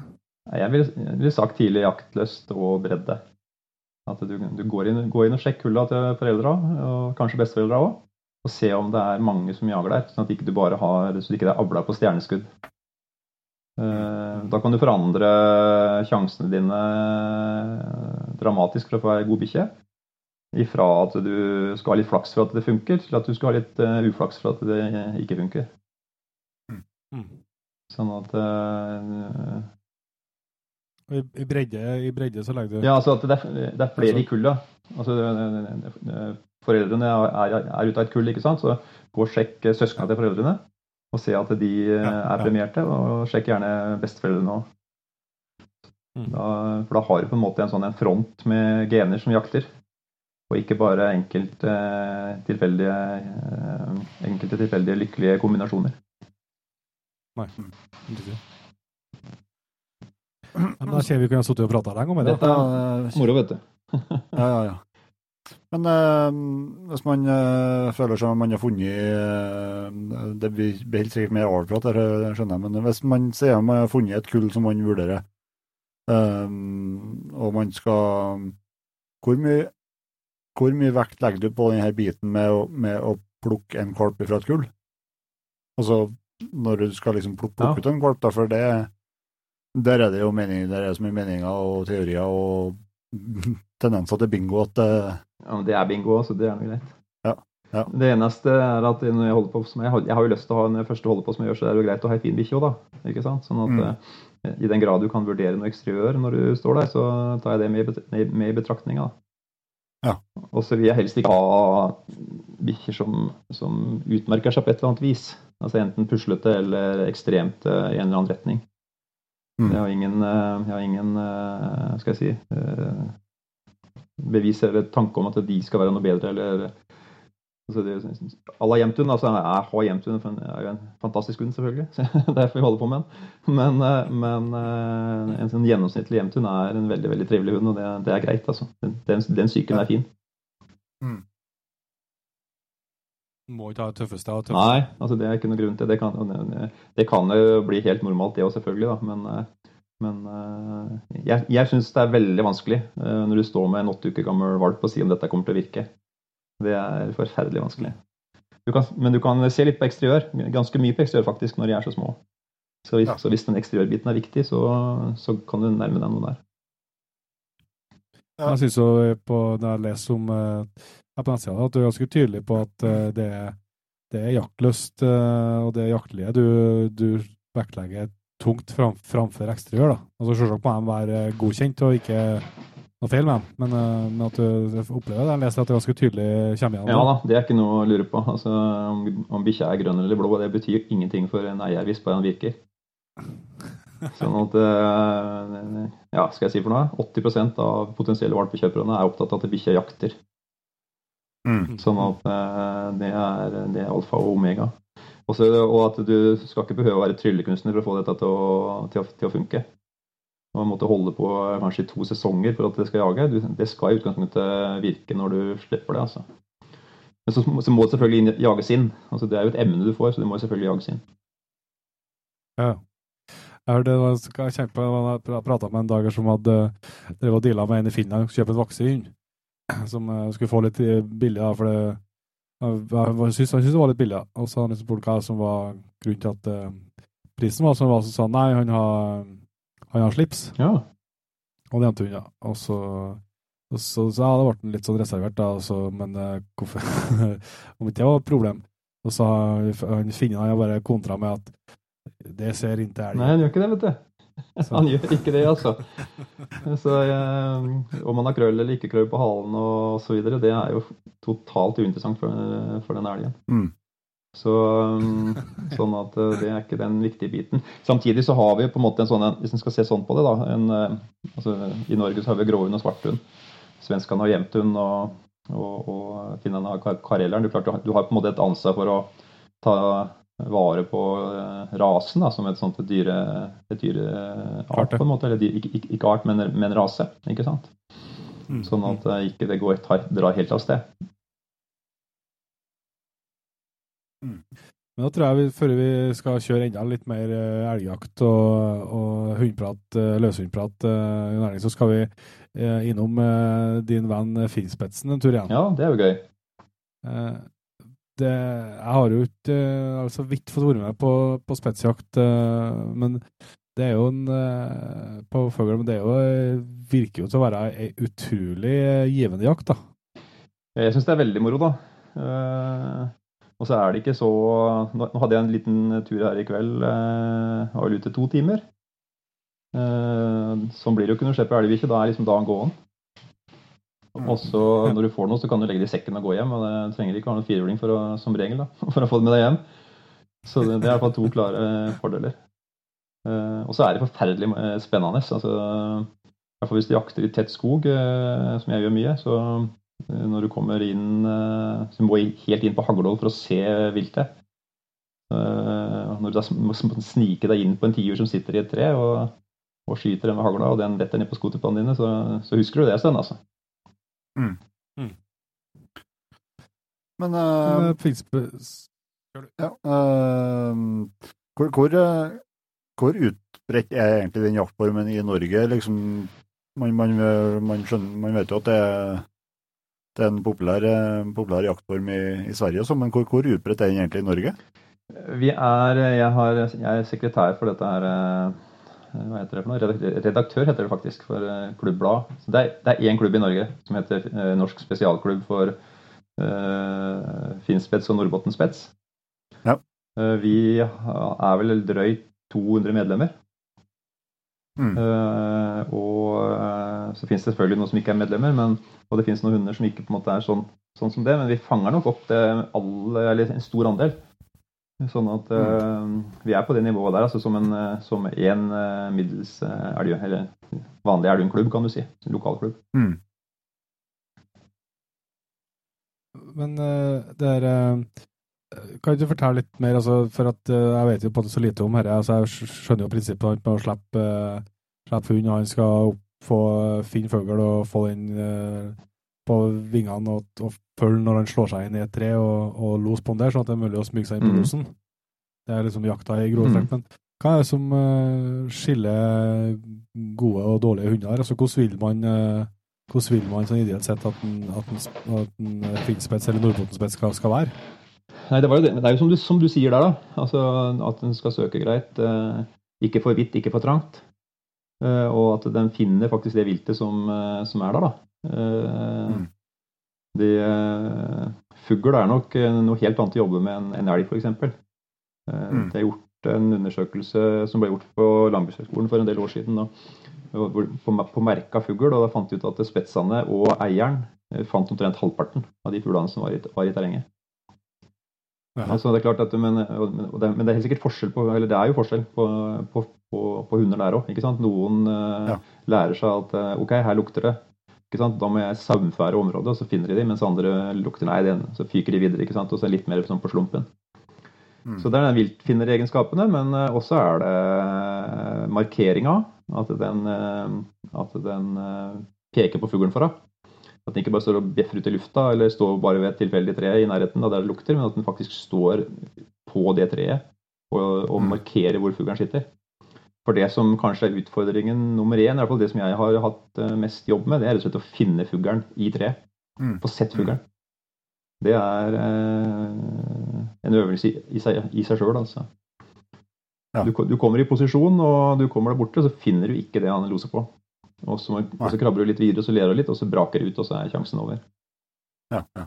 Eh, så, så, men eh, hvis du da har en, en fugl som markerer veldig presist, så øker det eh, sjansen for at det, jakta lykkes. Mm. En, en siste bit da, som de, de, de der ordentlige nummer én-hundene gjør, de er veldig flinke til å finne igjen fugl som flyr. Altså at de kan finne igjen fugl som En sånn en fugl flyr jo fra ja, bare noen titalls meter til noen hundre meter før han slår seg inn igjen. Og de beste, de beste hundene der de finner igjen de fuglene når de slår seg inn 300-400-500 meter borte. Eh, det- er på hørsel, er det på hørsel eller på lukt? Ja. Fortrinnsvis hørsel. altså du, eh, de, de springer etter dem når de, eh, når de flyr ut. Også når de ikke de ser dem lenger, så bråstopper dem og så lytter. Og da, og da ser, hører de at der slo de seg inn, og så begynner de å jobbe og, i, i den retningen, og så, og så finner de dem igjen. Da både med lukt og, og hørsel. Disse her spisshundene, det gjelder jo for så vidt elghunder òg, de jakter jo både med syn og hørsel og, og lukt. Sånn at eh, Mm. de bruker jo alle, alle sansene, da. Men hvor, eh, hvor altså, sant, Jeg har jakta mye skogsfugl med stående fuglehund, og da er det jo eh, veldig prisgitt fuglen seg vilje til å, til å trykke, i hvert fall til en viss grad. Hvordan er det på, med jakta her? Altså, har det noen betydning for eh, hvordan form fuglen er det der? Det er jo varierer, kan jo variere voldsomt fra Ja, dag til dag. det er helt rett. og Sånn er det med, sånn er det med, med, med disse her sjeldne fuglehundene òg. De eh, Kanskje ikke så mye Jo, litt fra dag til dag òg, men, men fall med sesong. Eh, Rundt Laufall f.eks., altså begynnelsen på oktober, så er det en veldig vanskelig periode.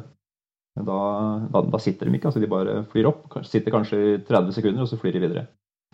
Og, og, og, flyr da gjerne langt, sånn at, eh, sånn at eh, da er, det veldig vanskelig. Men så har du andre forhold. Nysnø f.eks.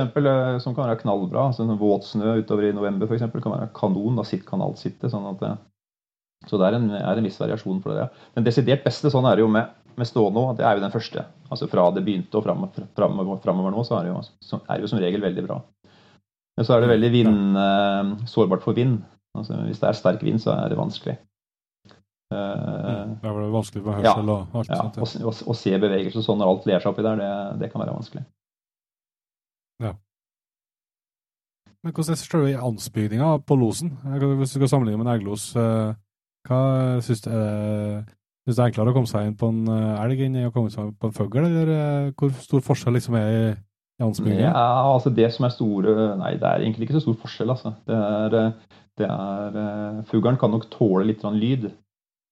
En elg som hører en, iallfall litt avhengig av hvor du er, da, men her oppe som er, oppe som hører elgen det knekker, ikke sant, så stikker den. Det kan en fugl tåle. Det er, ikke, det er, en fordel å være stille der òg, men, eh, men, den tåler det. Uh, den aller minste bevegelse, så er det veldig mange fugler som bare kaster seg rett ut. Ja. Uh, så det er nok kanskje den store, den store forskjellen. Men, hva, hva, har du erfaring med vind på fugl? Om du... Hadde jo innbilt meg jo det altså at å, å, å værsette det området fuglen, uh, fuglen uh, befinner seg i. Nei, det tror jeg har lite og ingenting å si. I hvert fall, ja. For jeg har, jeg har så, så tydelig opplevelse med fuglene at når jeg var nøye på å bevege meg rett i vind inn i stand, mm. så syns jeg at, at, det ofte har trykt der. Ja.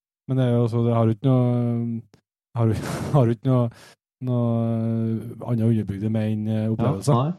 Nei, jeg har aldri, for så vidt aldri ofra den tanke. Jeg har vært mye på jeg har ligget mye på leik opp igjennom. Eh, og Da ligger du jo midt oppi leiken og lukter jo alle retninger. ikke sant? Og Du har ligget der hele natta og sånn, men ja, de ja. sitter jo på hytta og spiller. sånn at jeg aldri, aldri fått opplevd at det lukter noe. Men, men, hørsel, altså hvis du vipper tilbake, vipper tilbake fjøra over øra på tiuren f.eks., så er jo det på størrelse med en gammel femøre.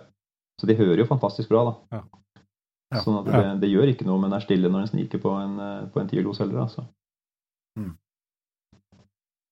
Det er stor, stor forskjell på tiur eh, og, og, røy og sånt. Så godt de, hvor enkelt å komme inn på, eller, eller, Ikke noe annet enn at tiur som regel sitter generelt bedre. Altså Ei, ei røy kan sitte ja. fem minutter, og så stikker hun. Eller, eller ett ja. minutt, og så stikker hun. Mens uh, først en tiur som sitter, den sitter som regel. Altså, helt til du støkker den sjøl. Eller, eller skyter den. Ja. ja. Så, sånn at det er kanskje en, en viss forskjell der.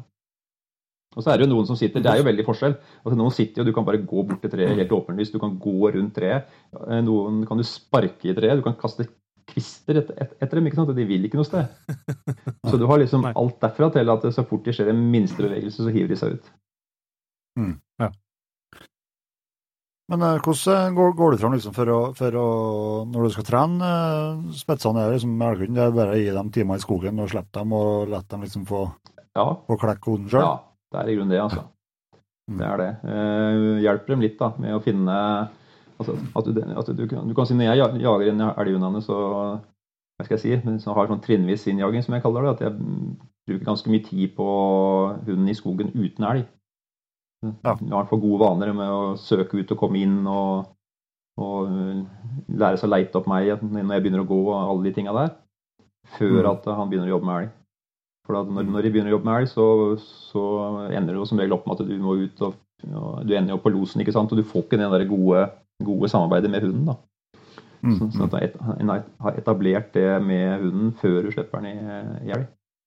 Mens på fugl så er ikke det, ikke, har du ikke samme problematikken, ikke for det skjer rundt beina på da, og, og fuglen flyr. og Bikkja blir ikke borte på samme måten som den fort, fort kan bli på en elglos. Mm. Og, og, så der er det bare å få i fugl egentlig så fort som mulig.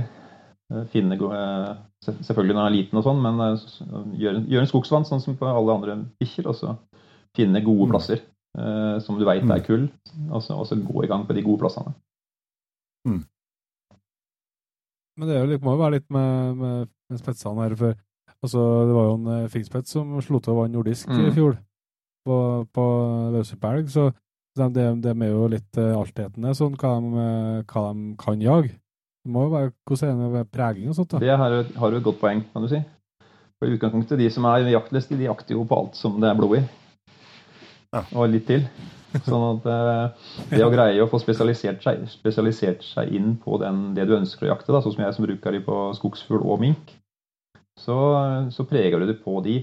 Uh, altså det å skyte for dem uh, og på en måte fyre litt eller bare si at nå går vi videre når de holder på med ting som ikke er noe spennende, uh, så vil de etter hvert skjønne hva du, hva du vil. Hvis hvis du, har kontakt med den bikkja, da, det er jo en, en forutsetning. At du har et, har et, godt samarbeid. De er litt spesielle. altså Jeg, jeg opplever i hvert fall spetsene som veldig sånn altså de, de, har en litt annen måte å være på enn det, enn det hjemtundene er. da. Sånn at de Når du får etablert den gode kontakten, så er de veldig opptatt av hva det er, du holder på med. Mm. Jeg har jo en kjenning som uh, Det var knallheldig på uh, de første slippene, og det var los og greier, og det var jakt, altså. Så han kom jo seg inn på losen, og så så han en bevegelse oppi treet hunden sto under, og klinka til og skjøt, og datt ned dekkhunden. Ja, det er Uh, det, Genialt, vet du. Det, det, det, det angrer han på. Disse hundene var jo opprinnelig brukt uh, som pelsdyrfangere, uh, nær sagt. Altså mår, ekorn. Ja. Så de er jo veldig, de er veldig gira på det. Og den, særlig den ekornbiten er vanskelig å bli kvitt. altså. Så jeg har fortsatt ja. en nå som den er ni år, da, den jeg har. Og er åtteren, forresten. Eh, og den eh, klinker til med ekornlos i ny og ne fortsatt. Hvis ikke det er noe annet gøy å holde på med. Og enda jeg har ekorn på fuglebrettet hjemme, og han får rimelig klar beskjed om at det der er ikke noe han skal holde på med. Men eh, det blir for fristende likevel, altså. Mm. Ja. Det kan jeg se Men jeg har jo ikke noen forkleinelse til, til spetser, selvsagt. Altså, det er jo ikke voldsomme mengder jeg har truffet. Men har hatt litt sånn inntrykk av at noen oppleves litt som litt sånn nervøs og og eller mye energi, da. Nervøse det kan de sikkert være. Det er nok, men, men jeg opplever mer den energibiten, ja, den er godt kjent. Det, veldig, det var derfor jeg ikke fikk det før jeg fikk det heller. For det er mye energi. Det er jakthunder, dette her.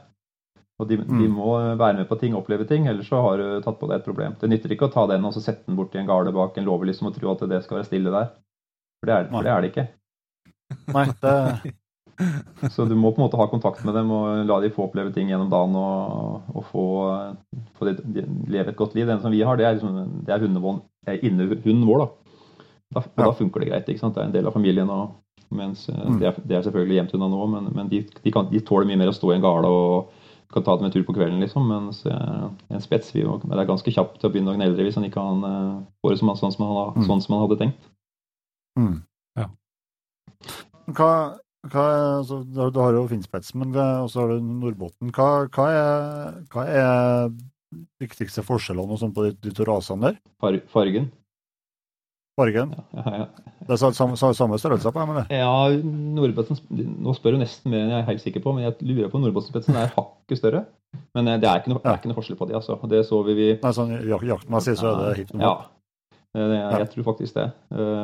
Var, jeg var heldig og var med på nordisk her, og da var det sånn uoffisiell konkurranse mellom Nordbotten og, og, finsk, selvfølgelig. Og jeg tror eh, når du la, la, sammen de, så var det ett poeng forskjell eller noe sånt. Så, ja, så, sånn at eh, det tror jeg er hipp som altså. Mm. Men Nordbotten er vel en enda mindre rase? eller? Er en mindre rase, så det er vanskeligere å få tak i og, og, og færre som, som, som, å velge, selvfølgelig. Mm. Det er jo utrolig, som du sier, utrolig fine hunder, begge to. Ja, jeg har, syns, syns, det, da. Jeg kan sitte og se på han der luringen vår ligge i sofaen, liksom, og det er egentlig, da er dagen redda. Det er fantastisk mm. vakkert, altså. ja. Det er jo det må også eh, Jeg har jo noen kjenninger og kompiser som har, har hatt eller har finspets, men det, det, er jo, det er jo fåtall av dem som bruker dem på, på skogsfugl. Så det går mer på mår og grevling og, og mink og den den biten der, da. Ja. Det får være så kjekk å si. De er jo, de er, de er jo veldig kvekk. Altså raskt ja, ja. og kjappe vendinger. Og, ja. og de blir faktisk brukt til villsvin. Altså, I Sør-Sverige så blir de brukt på villsvin. Mm. Det er jo Jeg har ikke vært borti noen kjappere, kjappere bikkjer. Det er jo Nei, altså sammenlignet med en jamtun, så det Ja, ja, ja. Han, vi har jo en litt sånn stor luftegard, og disse her driver og leker med hverandre, og han finter jo disse jamtunene som ingenting, liksom. Så. Ja, ja, nei, det er ikke noe. Nei, så, de greier, så det, Han tar korte svingen, og de andre fyker rundt, så, det, så de er veldig veldig kjappe. Så, men det er jo på en måte den spesialiseringa mot fugl som, som en ønsker for rasen. da, At en faktisk har en fugl mm. som, nei, har en rase som, som, er, som kan brukes på det. Uh, sånn at, Men, men uh, Men det er eh, vanskelig. Altså det er en vanskelig jakt. Så du må på en måte knekke den koden eh, og i forhold til å lykkes med det før altså, du syns dette er ordentlig moro. Så Og, og ta, bruke den tida du trenger for å, for å få det til. da. Gjøre det som er nødvendig faktisk for å få den bikkja til å virke. Mm. Uh, Men det er etablert med, med jaktprøver og sånt i Ja, ja. Norge òg? det er det. Så, Sånn at vi uh, holder jo akkurat på å utdanne meg som dommer, faktisk. Jeg har ei, ei prøve igjen før jeg, før jeg har det der i boks. Ja. Ja. Så Hvordan er jaktprøven ser ut på, på med spetsene? åssen det, åssen det, åssen det foregår, mener du? Eller hvordan resultatene er? Ja, ja. Nei, Ja, nei, det er i utgangspunktet så går du med hunden i tre timer. Uh, og så må du ha et visst antall poeng, selvfølgelig. På søk og egentlig sånn som du kjenner igjen ellers. ikke sant? Med, med søk og los og, og mark Ja. markering og det vi kaller for uh, å, altså det å finne igjen fuglen. da. Mm. Og, og, og lose på den en gang, en gang til. Uh, og så ja, ulike ting rundt det. Og, da og det har du tre timer på da, til å til å finne i utgangspunktet tre fugler. For å greie å få en førstepremie, så bør du, bør du ha full los. Da skal du lose på den i ti minutter. Ja. Uh, og så eh, gjøre det greit da med losen. Det er ikke krav, det er ikke, det er, det er ikke krav til at du skal komme inn på skudd nei. og sånt, liksom. Men eh, dommer går inn, og så ser han hvordan hunden håndterer fuglen. Altså hvor, hvor han står i forhold til treet, og hvordan han, den bikkja oppfører seg, kan du si. Mm. Og så Hvis ikke du greier å finne tre fugler da, på, på tre timer, så kan du, har du mulighet for å gå en og en halv time til. Og så, Ja. så er, er, prøva, prøva da slutt etter fire og en halv time, eller når du har funnet tre fugler. Ja, riktig. Men hvordan det, blir det dårlig stemning eh, på jaktprøven hvis det er dekkhånd der, da? Ja, det, du, du får ikke noe altså du, du, du kan få minuspoeng, da. Det er jo litt spesielt eh, i forhold til elgen. Der får du ikke noe minuspoeng, tross alt. Eh, Du bare, du bare kommer litt lenger ned på skalaen. Men eh, hvis Ja. du gjør eh, dumme ting som, som finspets, så får du minuspoeng. Det kan være seg at en, en falsk los, f.eks., stå og lose opp i et tre der det ikke er noe. Da, da blir du trukket et poeng. Men hvis du Mm. står og loser på et ekorn, så får du ikke minuspoeng. Da blir du bare Men du får heller ikke noe ekstrapoeng for det, da, selvfølgelig. Sånn at det, det, det verste som skjer, er at du, du surrer bort den tida du burde brukt til å finne fugl. da. Men det med, Eh, Jeg tror at ja, ja, det med fornya, fornya los, altså det, å, det at de greier å finne igjen uh, fuglen eh, For, for dommer, dommer går inn, støkker eh, forsiktig, og så flyr fuglen, og så flyr bikkja etter og loser igjen. Da eh, ramler jeg på en måte eh, jackpoten da, poengmessig. For det er på en måte et sånn adelsmerke på de bikkjene at de faktisk greier å finne igjen den fuglen. da. Skape en ny Mm. situasjon, ja. Du tar den Mm. samme fuglen. Ja, for det, det var en av spørsmålene jeg skulle stille. liksom, eh, Hvis, det, hvis du eh, støkker ut fuglen, da skal de liksom da skal de peise på videre etter og, og få en ny situasjon på den fuglen. Mm. Men hvor, altså, hvor, hvor avstander snakker vi at det er av at de snur og gir opp, da? Jeg sy- eh, 250 meter, sånn røftlig. Ja. Det er et visst antall sekunder da, som de skal forfølge. Men hvis ikke, Ok. eh, hvis ikke, hvis ikke den på en måte bikkja veit hvor den fuglen sitter etter å ha forfulgt 250 meter, så er egentlig sjansen gåen. Ja. Så det, det er noen, eh, noen De flinkeste gjør jo kanskje opptil 400-500 meter, da. Eh, Men når jeg springer, når jeg springer 250 meter, så hører de de neste 200 meterne, ikke sant? De hører fugl slår, slår inn. Ja, ja. Sånn at, eh, at de, de, de forfølger de 200, 250 meterne cirka. Det, er, det gir liksom bra med poeng, da. Så Er det lik mellom landene, som Norge, Finland, Sverige, prøvene, eller? De er ganske så like. Bare detaljer som er forskjell. altså, hva, hva skal eh, hvis, det, hvis det spetsen er ute i søk og tar opp eh, store årfuglekull, eller store storfuglekull, da? Mm.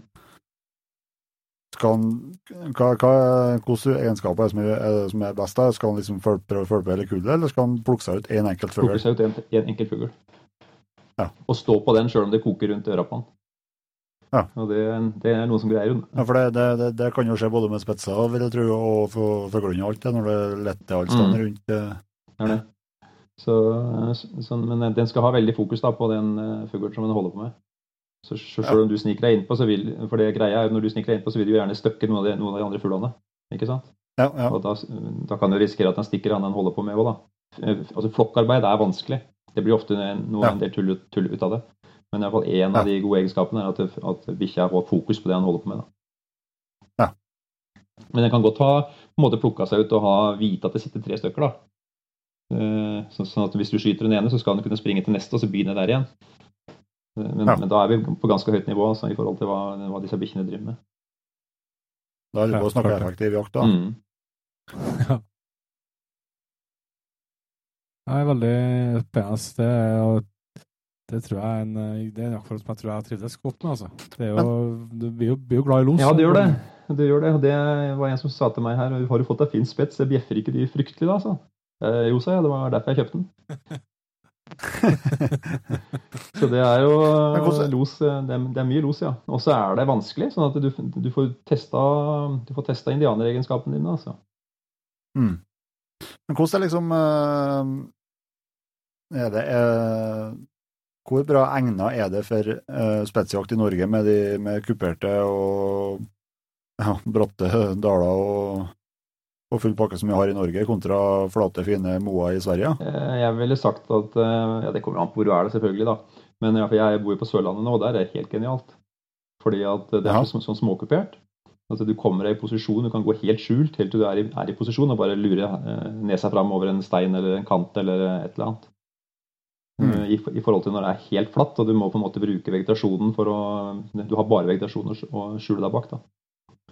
Så Mm. jeg syns det sørlandsterrenget som jeg Nå er det ikke mye jeg jakta der, der nede, men, eh, men noen turer har det blitt, og det syns jeg er veldig flott å holde på med, med en spets i. Ja, for jeg så så litt for meg at det var, at det var vanskeligere for hund ja, å, å jobbe, jobbe, i, jobbe i kupert terreng. Og... Ja, altså Disse bratte, li, sånt, bratte liene og sånn er jo ikke gøy for noen, da. Men, Nei, nei, det, men eh, det, det funker der òg, altså. Det gjør det. Jeg ja. Jeg forklarte, Du får- få litt mer at de bare seiler utover og, og blir borti dalen en Mm. plass mm. når du er på Ja, det er det, vet du. Og særlig det med å, å kunne få fornya los, da, hvis den eh, har sluppet seg ned, ikke sant, så er den jo er den over alle hauger bare med å flytte seg litt, Randet, ikke sant? så den seiler av sted. Så. Mm. Mm. Ja, Så, så enkelte ting er annerledes. Det er det. Mm. Men et, et, et småkupert terreng er jo for så vidt nesten uansett hva du jakter på, så er jo det gøyere og, og, og, og lettere å jakte i. da. Du føler at du hele tida tar ikke nytt terreng ikke sant? i forhold til å gå på ei helt Ja. åpen slette. Ja, ja, ja. Helt klart. Men eh, vi holder jo på Vi har jo ja, både du er jo i gang med elgjakta, Erling, og jeg har fått vært og lufta litt, jeg òg. Gnu det inn, du. Her, du. så det holder jo på å nærme seg 25. i Norge òg. vi må snakke litt eh, elgjakt, eh, rett og slett. Det har jeg veldig lyst til. Mm. Eh, det første vi skal, vi skal begynne å prate om, da, vi må ta det kjipe først. Eh, det er jo at eh, ja, i hvert fall, eh, i hvert fall 50 av eh, redaksjonen eh, sliter med en unghund som en ikke får helt eh, taket på. Så det har jeg tenkt at du skal løse for oss nå. Hvor gammel er den, da? Jeg blir to i november. Ja. Aldri losa i det hele tatt, eller? Ja, og eh, første Jeg matcha ganske forsiktig i fjor, da. Uh, og så hadde jeg et uh, første uttaket oppe i fjellet på, på elg. eh, Der skjelte litt i uttaket, og så var det nok klassisk fjellelg som rasa Mm. deg, da. Eh, var med, da var jeg med ganske langt, var med en fire-fem Ja. kilometer for å snu og komme baksporet tilbake. Var det på en måte første møte, første møte med elgen? Ordentlig? Ja. Yes. Ja. yes. Da er jeg jo stålfra. da. Eh, og så eh, hadde ikke noen flere, hadde noen flere slipp, men ikke noen flere elgmøter. Og så hadde jeg neste elgmøte. Da ble jeg nok uh, skremt av en fjordokse. Jeg ble ikke sparka, men uh, da slapp jeg på et terreng, og det ble los. Og så eh, Ja, det var, uttaket var bare ja, vet ikke, tre-fire meter Mhm. fra meg. Så jeg sto bare på samme plassen, og så gikk det ikke lenge, så kom det en fjordokse og, og tenkte han skulle gå seg rett på meg. Så jeg måtte, eh, jeg hadde den innom tre meter, så la- laga jeg en lyd. Så mye, så mye at den ikke skulle gå over meg, for jeg ville ikke skjøte ennå, for at hun sto med Ja. Eh, og da hørte hun, hørte hun meg, og kom til meg, og så la jeg etter den fjordoksen, og så kom jeg tilbake i retur og syntes ikke det var noe artig lenger, da. Uh, så det var det. Og så, etter det, så uh, slapp jeg en gang til, der jeg mistenkte at det var stille i lag med elg, uten at jeg klarte å, å finne ut av det. Mm. Uh, og så eh, var vi på siste slippet før, før jul. Eh, så hadde jeg et uttak. Jeg hørte henne skjelte to-tre ganger i uttaket, og så ble det stilt. Jeg visste ikke hva det var, da, men eh, det ble, ble stående i samme område ja, tre kvarter. Eh, og Så begynte jeg å gå dit, og så flytta jeg seg litt, så da skjønte jeg at det var sikkert elg. Og så kom jeg innpå til slutt, og da sto jeg med ku og Mm. kalv. Og så ikke noe, ikke noe redd ut i det hele tatt. Det var su superhappy med og sprang rundt dem og kosa seg, men ikke noe lyd, da. Uh, og så ja, Ja, du mangler lyden. Det er det som er hovedproblemet, da, skjønner jeg. Ja, ja, altså så, Jeg trodde jo, trodde jeg, jeg var usikker på om jeg skulle skutte den kalven eller ikke, da, men jeg ja. gjorde nå ikke det. Uh, så jeg rett det være. Men nå holdt jeg på med de helgene hele dagen. Og gjorde det, ja. Uten å, uten å lose. Ja. S okay. uten en lyd. Og så, så da, men da ble det ikke noe mer eh, ble ikke, eh, ja, Jeg ville ha latt det modnes litt, da. Mm så det ble ikke mer slipping. Det var, ja, det var slutten på november, antagelig, så det var ikke så, så mye igjen uansett. da. Uh, og så for vi til Sverige, Jon Inge og en kompis, uh, på så, og testa på villsvin i hegn og elg Ja. i hegn i, eh, i vår, og da var det fjellos Ja. los. Eh, I hvert fall første slippet av villsvin ble det veldig fin. Jeg vet ikke hvor lenge jeg holdt på, Jon Inge. Hertim, kanskje? Hæ? Hertim Ja, noe sånt. på den. eh, Fin los. eh, og så slapp du på elg i hegn òg. Det var det jo finlos. og all den tid elgen var nært uh, gjerdet, skal jeg si. Når elgen gikk og la seg midt, midt inni, så var det ikke spennende lenger. Eh, så hadde jeg jo stortrå igjen. Ja. og så kom vi i gang eh, kom vi i gang nå, og nå har jeg hatt to Uh, eh, har hatt to eller tre elgmøter så langt i høst, da, etter eh, vant eh, først var i Sverige på sletta på var ferdig med, med bjørnejakta. og Da, da var dere stille i lag med elg igjen, da, kanskje i 20 Mhm. minutter. Eller jeg visste, jeg visste ikke hva det var, men det ble stille og var i samme område rundt og rundt, og rundt, så jeg mistenkte at det måtte være det. Så begynte jeg å gå litt imot, og så flytta jeg seg litt. Og da ble det los, etter Ja. å ha flytta seg. Da hadde det los i kanskje i fem minutter, og så eh, Om det var meg eller noen andre, jeg vet ikke, i hvert fall så stakk nå elgen i vei, og så eh, fanga han på 500 meter og kom tilbake og bare sur. Men glad fornøyd, Ja. for så vidt. Det var ikke noe Og så ny runde litt mer lokalt der, og samme egentlig skjedde da, og gjorde seg en fin runde og fant eh, elg. og da trodde jeg det var stille, noen ting som jeg vet i hvert fall. Da begynte jeg å skjelle i uttaket, og det sto, eh, så vidt jeg kunne bedømme. Eh, og holdt på i fem minutter, fem-ti minutter, og så Ja, hun sprang og surra med alt mulig annet. Virka ikke som det noe. det var interessant. Og så sist nå i Sverige på elgjakta, så har jeg blitt sluppet uh, litt, rann, da, uten, uh, uten eh, ja, har gjort, etter hvert gjort seg noen greie runder, for så vidt, uten at jeg tror at jeg vil ikke kalle det søk. Nei, nemlig. Det oppleves ikke sånn, i hvert fall. Så- men hun fant eh, Jeg slapp henne på sporet på en elg eh, En elg som har svømt over et vann, så vi kobla på kobla andre hunden min, og så slapp jeg henne i sporet på andre sida av vannet. Eh, Og da spora han den elgen i ja, 1,5 km, og fant den, og sto i uttaket og skilte litt, og så ble det i samme område i to timer, okay. uh, uten at det var noe Ja. der. da. Uten at det var elg der? Eller uten at du losa? Nei, uten at det var elg der. Jeg vet ikke hvor lang tid det Nei, sånn, ja. var, da. For at uh, hun, hun var jo i samme område kjempelenge, og så begynte hun til slutt å stille inn på, der var jo ikke noe elg. Der får hun bare å, å leke okay. seg. Så Det var diag diagnosen. Så jeg Ja, på ja, nemlig. Nei, det var altså nemlig. Nei, eh, du vet at eh, det der eh, som vi var innom her tidligere, altså alle bikkjer har sin historie og sin uh, greier. Uh, eh, Så når du har, eh, du har, du, har, du har- et emne du begynner å jobbe med, ikke sant? og så, gjør, de seg sine livserfaringer opp igjennom. Mm. Så eh, Sånn at uh, hva som du skal eh, det høres, For meg høres det ut som du har gjort de rette tinga, for å si det sånn. Det er, det er ikke så mye annet å få gjort. Særlig den turen innom, eh, innom et i- for å få de til å lose. Jeg hadde ei, hjemtunstispe som ikke ville lose. Det var forresten den første jeg hadde. Av hjemtuner. Og den, der fikk jeg et råd om å, å la den lose på hest. Uh, så, men jeg gikk, gikk med i band da, opp til noen hester som var vant med bikkjer, og, og, og fikk henne i gang, faktisk. Og, da, og dagen etterpå så losa hun, og, et, og etter det losa hun. Så det var liksom for, å, få- å få brutt det der bandet i forhold til, til, til å lose. da. Ja. Så eh, det er antall timer i skogen. Det er ikke så mye annet å, å si, altså. Uh, to år uh, så skal det jo virke. uh, I min verden. Men det er jo mange bikkjer Jeg husker ja, kan det være 20 år siden eller noe sånt da, som det sto, lå på Elveforbundets hjemmesider, hjemmeside sånn beskrivelse av, eh, av jevntun. 25 år siden kanskje, 30. det går fort. Eh, Og Der sto det det at en jemtustispe eh, var liksom veldig vanlig at ikke den våkna ordentlig før den var tre år gammel. Mm. Eh, ja visst er det for lenge, og to år for lenge. Men, men, men poenget er at det er ikke så fryktelig lenge siden det var sånn. At det var norm normalen. Nei, nei. Og da vil det jo selvfølgelig dukke opp individer nå som har de samme egenskapene. Sjøl om du er ganske så nøye med å prøve å velge av, det, av, det, aller beste, så vil det være individer som, eh, som, som krever litt mer tid, altså. Eh, Men det som jeg lurer på nå, det er jo for å Jeg har jo en som, eh, en som går. ja. Så det som jeg lurer på nå, er jo for eksempel å uh, slippe han en, så han finner seg en elg og los på, og så slipper Mm. hun innpå. Uh, og der er jo, er jo det er jo Du tror meg, du er ikke den første jeg diskuterer. Jeg kan tenke det.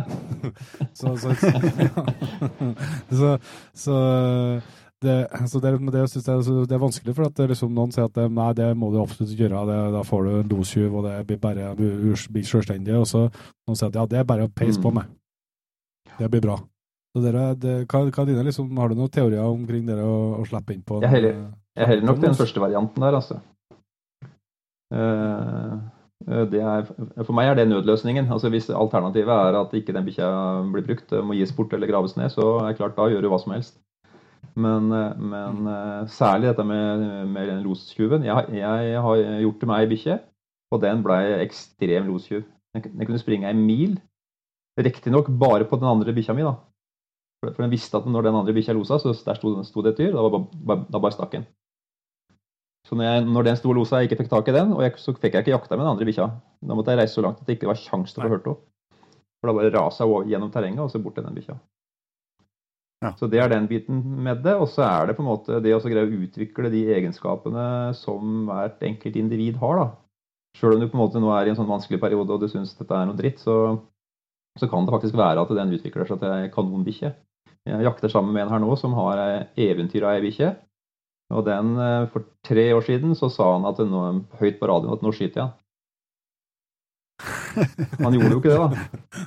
Og nå skyter han for han nesten i hvert slipp, altså. Eh, Og her er det vanskelig. Her, her springer veldig, veldig veldig mye. Lette på beina. Ja. Eh, Ja. Og den, den var litt sånn som du beskriver. At den, den kom, kom inn, brøyt losen Den har losa hele tida, det har den. Men, eh, men den, den brøyt losen og hang ikke på og gjorde alt, egentlig alt mulig gærent fram til han var tre år gammel. Da. Men nå går han som et eventyr. Mm. Så det er jo ikke noe annet enn å være i skauen med som jeg veit om. Og så skape gode, skape gode situasjoner, altså. Det, Men, det, det svaret har du fått før, eller, Mudder? ja, det, og jeg, kommer, jeg, kommer til, jeg kommer til å gjøre det, så jeg har ikke tenkt å gi opp noe, noe som helst vis, men, eh, men, eh, men når du sier liksom skap gode situasjoner, altså, eh, tenk, eh, altså det, hva, legger, du- hva legger du i det? Liksom er det å, å prøve å slippe kun i områder du anser at det er overhengende fare til de finner Ja. eller? Og kanskje at du liksom, prøver å finne elg som eh, altså At ikke du går opp i det villeste områdene. At du slipper på steder som at det er elg som, som eh, er til å håndtere. Og som er villig til å samarbeide med bikkjene. Det er veldig forskjell på det, da. Sånn at, eh, sånn at, og at det blir mange gode situasjoner. Og så er det jo noen som det hjelper å skyte for, eh, faktisk. Du kan skyte i gang på en måte. Det, jeg, jeg, du har sikkert hatt noe på fall. Altså, Ja. Åssen bryr du seg om det, eller? Mm. Dauer? Ja, jeg synes at uh, rag, rag, Ja, det. det er topp, ja. Da kan jo faktisk det være en sånn en ting som kan hjelpe henne videre. da, At, du, at, at, at det blir et fall for henne. Hva er dine sånn på dere med å, når første elgen skal felles? Der er jo eh, tydelige leirer, men jeg, opplever at noen er veldig på at det må stå eh, eh, knallhardt, og noen mener at så lenge det er rett, så, så er du i gang. Hvor er du hen? Jeg vil jo gjerne at det skal stå ordentlig. altså. Hvis jeg, kan velge. Jeg prøver å få til det. At det er ordentlig, ordentlig ståloser det, det, det skytes for. Um, Mm. Men uh, eh, veldig veldig mange bikkjer, i hvert fall det jeg prøver å holde meg med, da, og, så er det så mye jaktløst i at de bryr seg egentlig ikke om du skyter for dem eller ikke skyter for dem. Det er det å stå og lose på elg, det som er gøy. Eh, Den uh, beste som jeg har nå, den uh, stikker bare. Altså den kanskje borte og biter eller ragger to ganger, så stikker den. I hvert fall hvis det finnes noe annet i nærheten, så går den videre direkte. Så, sånn at det, det er ikke noe, det er ikke noe sånn byttesmedveten. Eller, altså det, er, det, altså det, det er ikke noe gøy det når den elgen er død. Da er jo moroa over. Mm, mm. Sånn at, men, men der er det stor variasjon. altså. Noen er jo, syns jo det er fryktelig moro da, når den elgen ligger der. Det er annet som jeg syns er et, eh, et tema som ble diskutert eh, diskutert på noen her, som Du snakka liksom om eh, mål på jaktlyst. da. Eh, Hva tenker du er, eh, det beste målet på jaktlyst av eh, ja, altså viljen til å finne elg, altså det å virkelig søke ut og, og skjønne hva du driver med, og virkelig lete? Er det et bedre mål på jaktlyst enn viljen til å stå med en elg i, i 20 timer? Eh, tja, du kan greie også ødelegge det søket. Selv om bikkja i utgangspunktet var veldig flink til å søke, eller hadde det i seg liksom at den ville kunne fått til det, så er det forholdsvis lett å ødelegge. Eh, Hvis du begynner å trampe rundt i skauen med den valpen og gjøre han usikker, og, og på en måte gjøre den at han blir vant med å følge deg, og når han følger deg, så ender det opp i en elg, eh, så, så vil du kunne, kunne greie å ødelegge det, det søket. Det å ødelegge den biten som går på å stå med elgen, det er jo litt vanskeligere. Altså, det er på en måte bare viljen bikkja har. Eh, Sånn at eh, det er vel ikke så lett å svare på det, egentlig. Eh, Jeg opplever vel søket altså det, det er veldig forskjell i anlegget til å ville søke ut og det å søke. Og, og ville søke. Men jeg tror nok du kan få de aller fleste bikkjene til å søke veldig godt hvis du bare er tålmodig nok med dem. Jeg har en kjenning som bor i enden av en vei ute på, på Finnskogen. Og han, eh, må, han må koble bikkjene sine. Altså, han har en del bikkjer og hatt en del bikkjer. Og, og når de blir liksom noen måneder gamle, så må han koble dem. Ellers så blir de helt selvstendige. Og det gjelder alt han får tak i, så, så, så er, er de på det viset der. Så, eh, for da får de, de lov å springe på gården, ikke sant? og de utvikler det gradvis. Og da blir de veldig selvstendige hvis ikke du kobler dem på et eh, gitt tidspunkt. Sånn at, I motsetning til da hvor du, hvor du tar med deg bikkja ut, slipper og så begynner du å gå. Høyst sannsynlig altså, da får jeg bikkje som følger deg, og, og, og ikke søker ut. Men ser, ser du med det at du er nøye på når du driver med innjaging av uh, ungene, at du prøver å slippe dem, og så bare sitter du i ro på en stubbe og uh, lar hunden suse Ja. som den vil? Det er noen som sier at eh, jeg, jeg snuser ikke, da, men du skal spise opp én snusboks hver gang du flytter av. Nå skal du gjenta litt høyere, så skal jeg selge inn det til fruen i huset her. Nei, Det som er suverent nå, da, er jo at du har jo GPS-en. ikke sant? Sånn at du kan sitte og følge Ja, med og si at ok, nå har hun søkt ditt og datt og hit og hatt, og her er det ikke noe. Så kan du koble, og så kan du slippe på et nytt sted. Ok, så du, du, kobler, du kobler mellom nå når du får I, fra begynnelsen, ja. Ja. Så gjør, gjør jeg det. Eh, og så utvikler du dette gradvis. Eh, for at bikkja forventer å finne deg igjen akkurat der hun gikk ifra da. Eh, Mm. Så der, de første gangene så flytter jeg meg bare ørlite grann, så jeg ser tilbake til der jeg satt. Eller, eller, eller når bikkja kommer inn der jeg satt, så ser hun meg med en gang. Og så utvikler vi det, Ja. utvikler vi det gradvis, sånn at hun eh, etter hvert blir vant med at det her skal vi Jeg finner alltid igjen far, jeg bare følger sporet. Dette bringer oss jo her bringer oss litt over inn på den andre frustrasjonen som finnes i redaksjonen. Yes. Uh, For jeg har en hanne på som ble to år i april nå. Uh, Så jeg begynte, begynte å slippe han i, i fjor høst. Uh, Da var han skal vi se, 14-15 måneder, når jeg begynte å slippe han medio 20. august. Mm. Uh, 21. august. Um, Ja, var veldig unghund i starten. Uh, Var artigere å herje med en far og bite fleste og sånt, men så ja, fant han jo elg uh, etter hvert, og, og um, ja, totalt sett så ble det vel felt fire elger for han i, i bra losarbeid. Mm. Det var lange loser, og det var ja, tre av fire var, var. Mhm. Eh, Ja, det var uttak på alt fra 400 meter unna meg til 1,6. Mm -hmm. Den, den på, på, på 1,6 det var litt spesielt, for da, da, da, da skjønte jeg at han gikk på et spor. Eh, tok ut elgen. Eh, og så var han bare sammen et par minutter, og så kom han i baksporet rett tilbake til meg. Mm. Eh, da, ja, da ville jeg egentlig få svar på hva som har foregått, og da, da gikk jeg lammen dit igjen, og da så jeg jo på liksom der han har funnet elgen, at der var det veldig mye Ja, elgen har vært, i fart på den, mm. så det var ikke Det var som myrspruten har stått og plassert seg. jeg skjønte at han antagelig har sagt ifra til hunden at uh, du trenger ikke være her. Men det var, det var en okse, da. Åtspiring okse. Mm. Men når jeg for dit igjen, så, så fulgte jeg etter sporet på nytt igjen, og, og, og tok ut oksen eh, ja, en kilometer lenger bort. Og da, og da sto han med den i Ja, det ble fort en par-tre timer før vi skjøt den, i Ja. bra los og greier. Så ja. Ulempene med han nå det er jo at han er litt for glad til å jage rådyr, da, men jeg har jo innstilt meg på nå når jeg begynte å slippe den her i, i august, da, at eh, nå hadde jeg en ferdig hund. Mm. Så jeg så for meg når jeg slapp den nå i ja, 21. august. Det var liksom da det var som å slippe et strekk. Da skulle den bare liksom sant? og finne elg. Og, ja. Jo, jo. det, så, men nå, nå er det liksom uh, Ja. Et eller annet slipper, så, så da, da jakter han. Altså, Mm. da, da har han søk Mm. og, og, og eh, jobber systematisk. Og, men jeg, jeg har sluppet den i området med lite elg nå for å være sikker på, for jeg vil ha godt søk. da. Så han har jo fortsatt ikke funnet elg i år. Mm. Eh, Så neste slipp nå så vurderer jeg å slippe den der jeg vet han finner elg. Um, men jeg blir jo veldig frustrert over det eh, de slippene der han ikke jakter. Ja.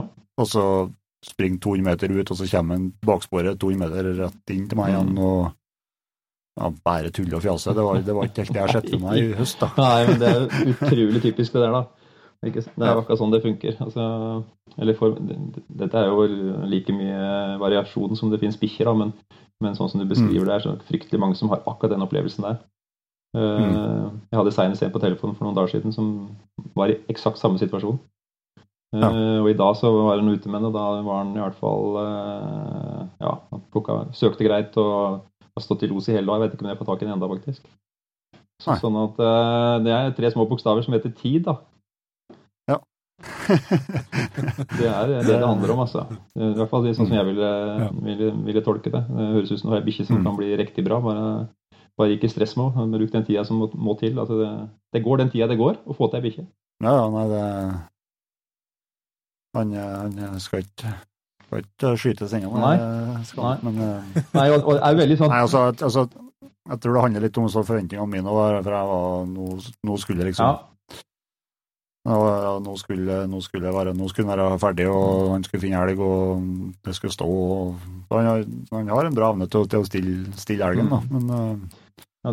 da må han jo for faen eh, springe ut og finne Det er helt rett. Men det, hvis du har tida til å vente til han skjønner det, så kommer nok til å bli, Ja. det nok til å bli det òg. Det er jo no, Jeg skal kjøpe, jeg skal kjøpe meg mer snus. Ja, ikke sant? Det er akkurat det du skal. Nei, han, det, det fins jo bikkjer som gjør det der, eh, kan du si, som har en jevn, fin stigning, da.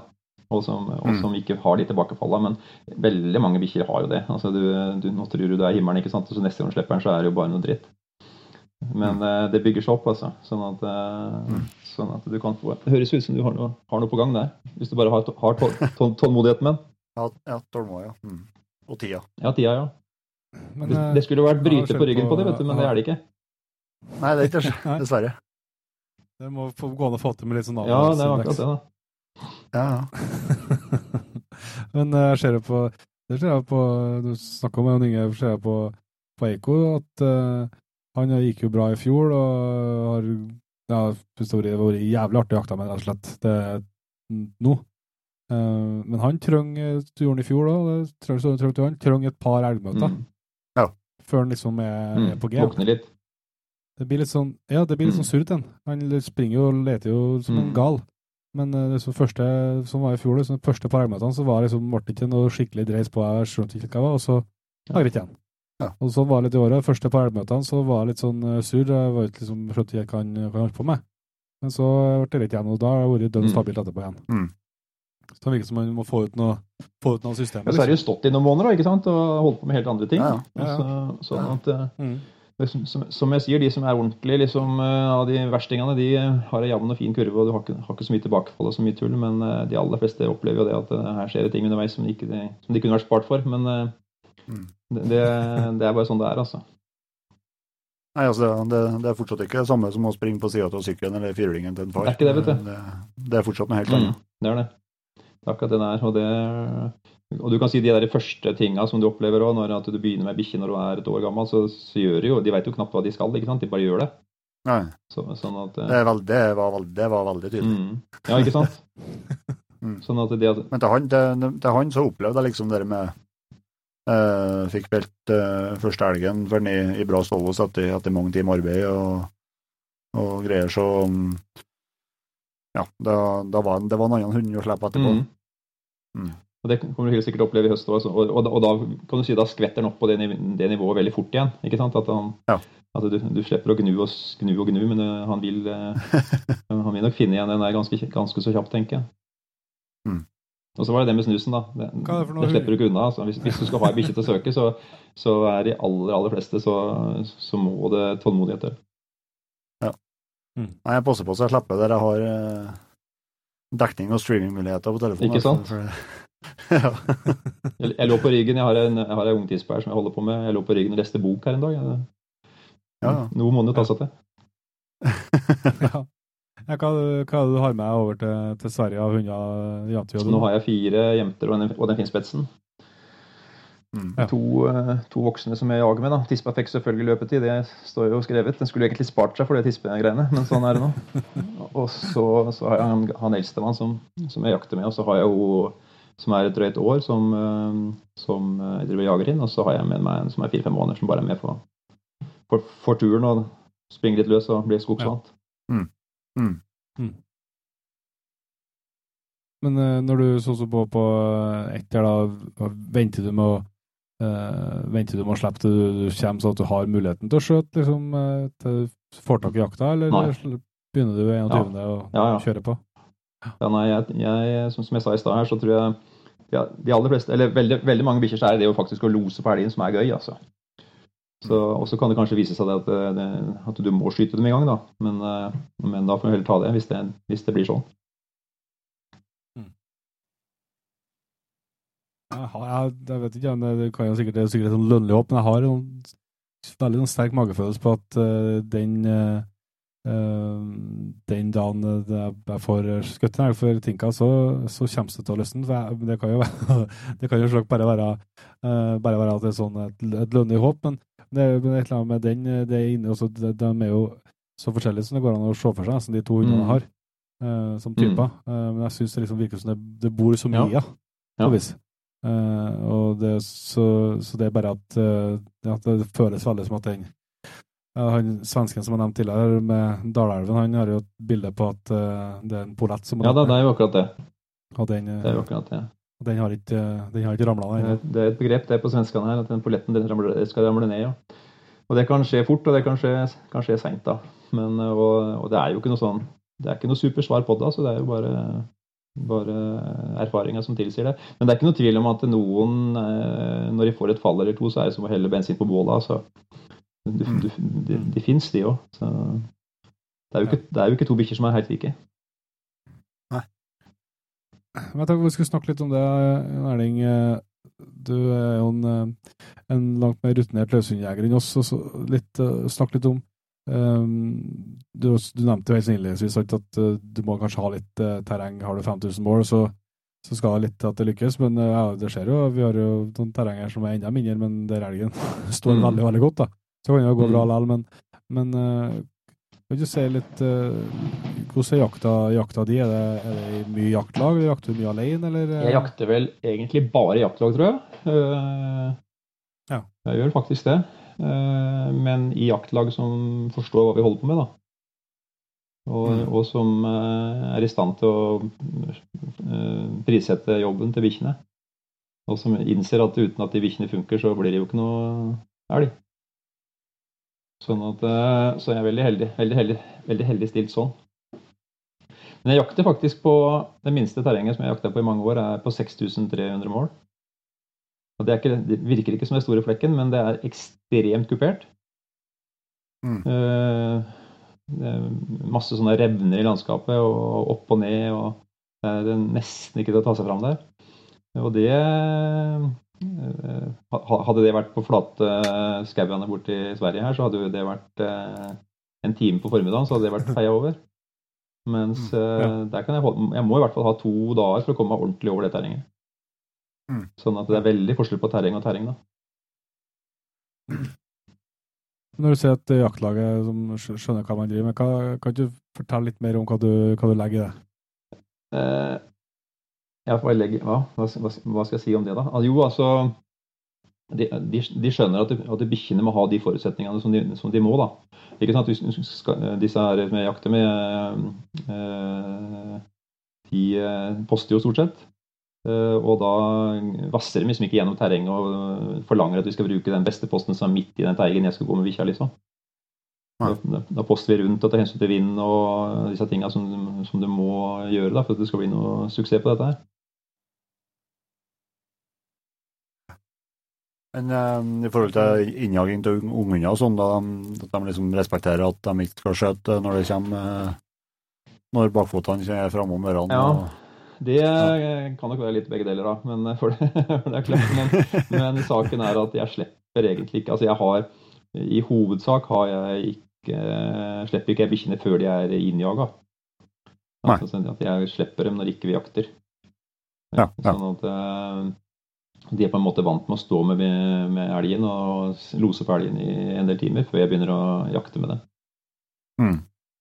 Sånn at jeg ikke Du, du, du tar ikke, du tar ikke jaktlaget med på innjaginga til ungene? Nei, jeg, nei, jeg, gjør, jeg, jeg gjør, gjør, ikke det. Altså. Og, det, og jeg jakter ikke helt sjøl heller. Altså, jeg bare er ute med bikkjene og lar de kose seg med elgen.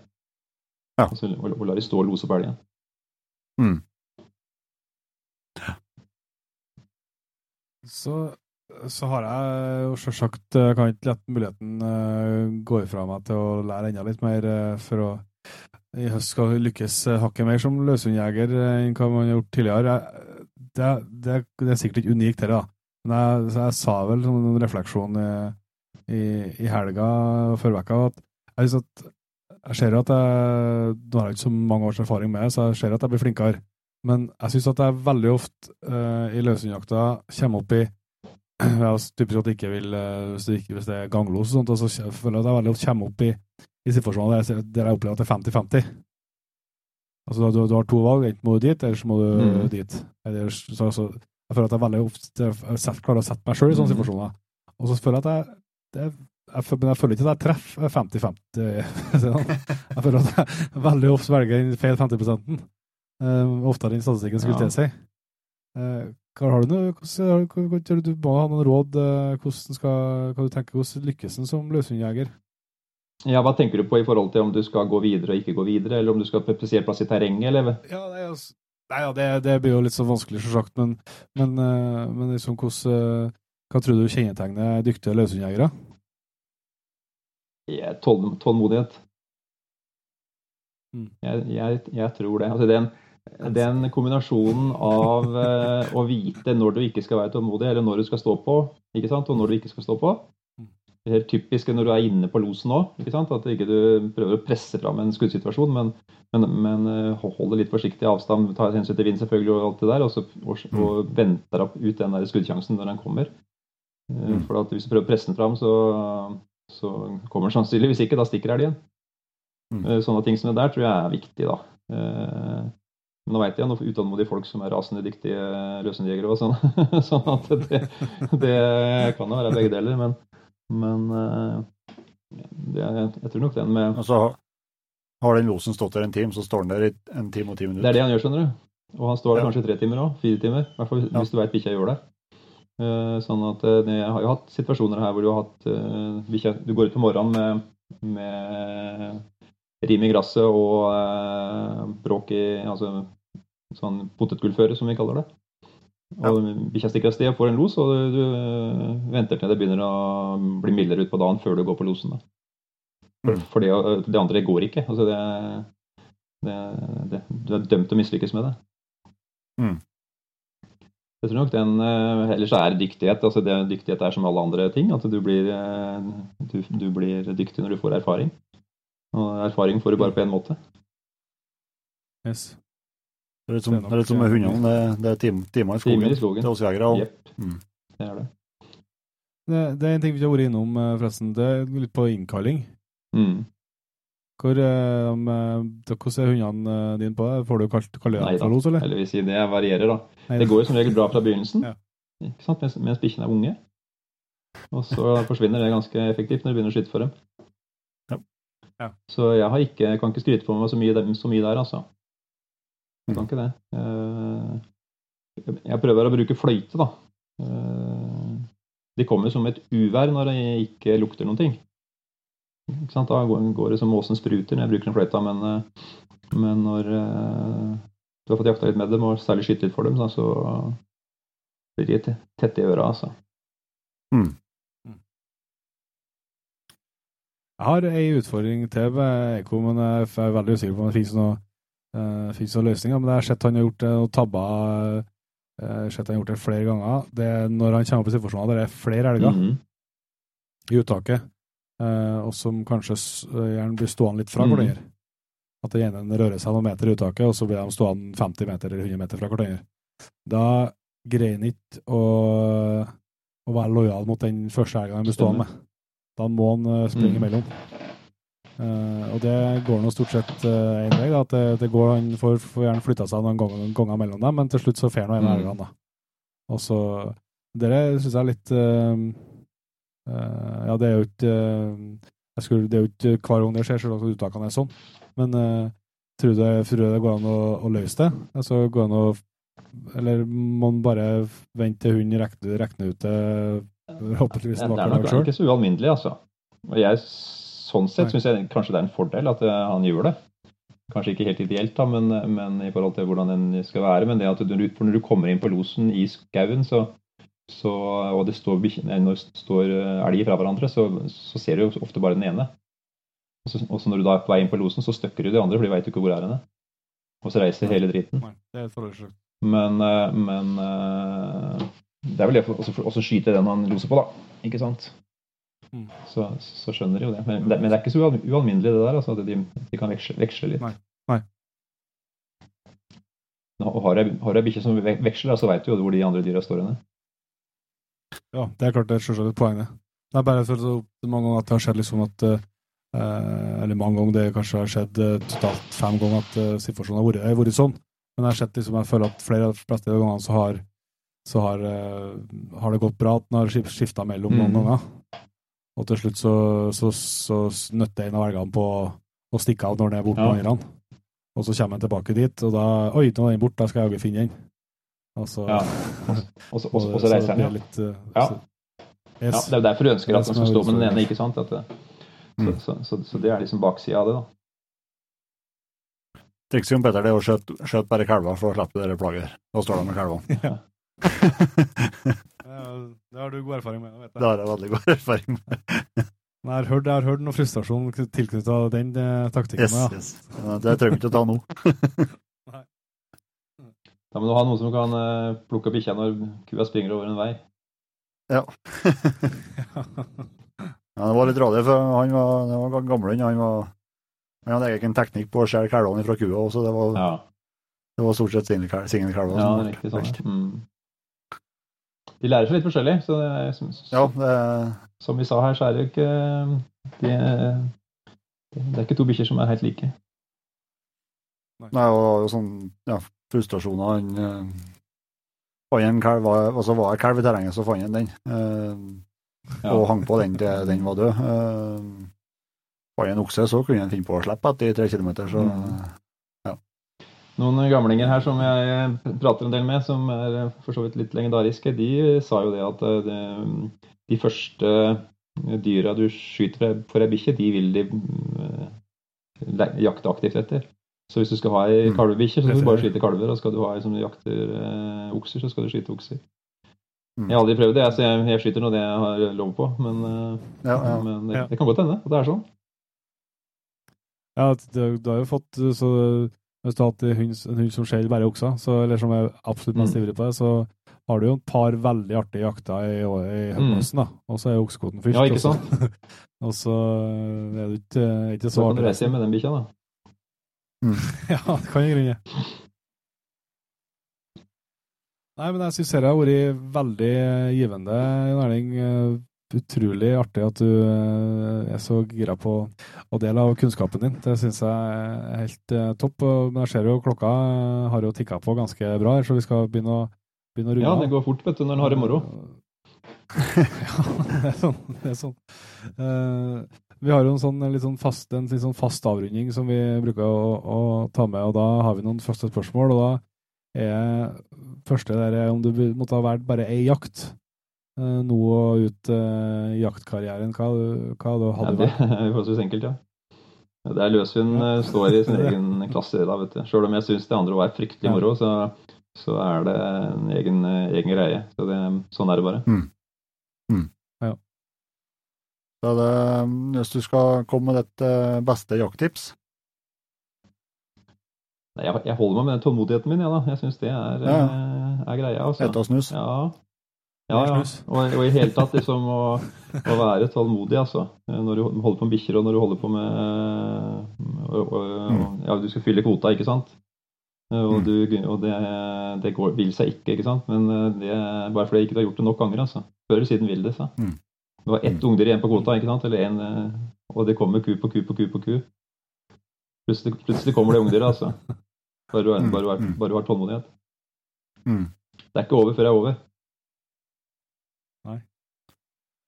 Og så, eh, Vi har jo snakka litt, litt, eh, litt våpen, men eh, er det noe av jaktutstyr, jaktutstyr du har som du, som du er, er veldig glad i, som du kan, eh, du kan tipse litt eh, videre om?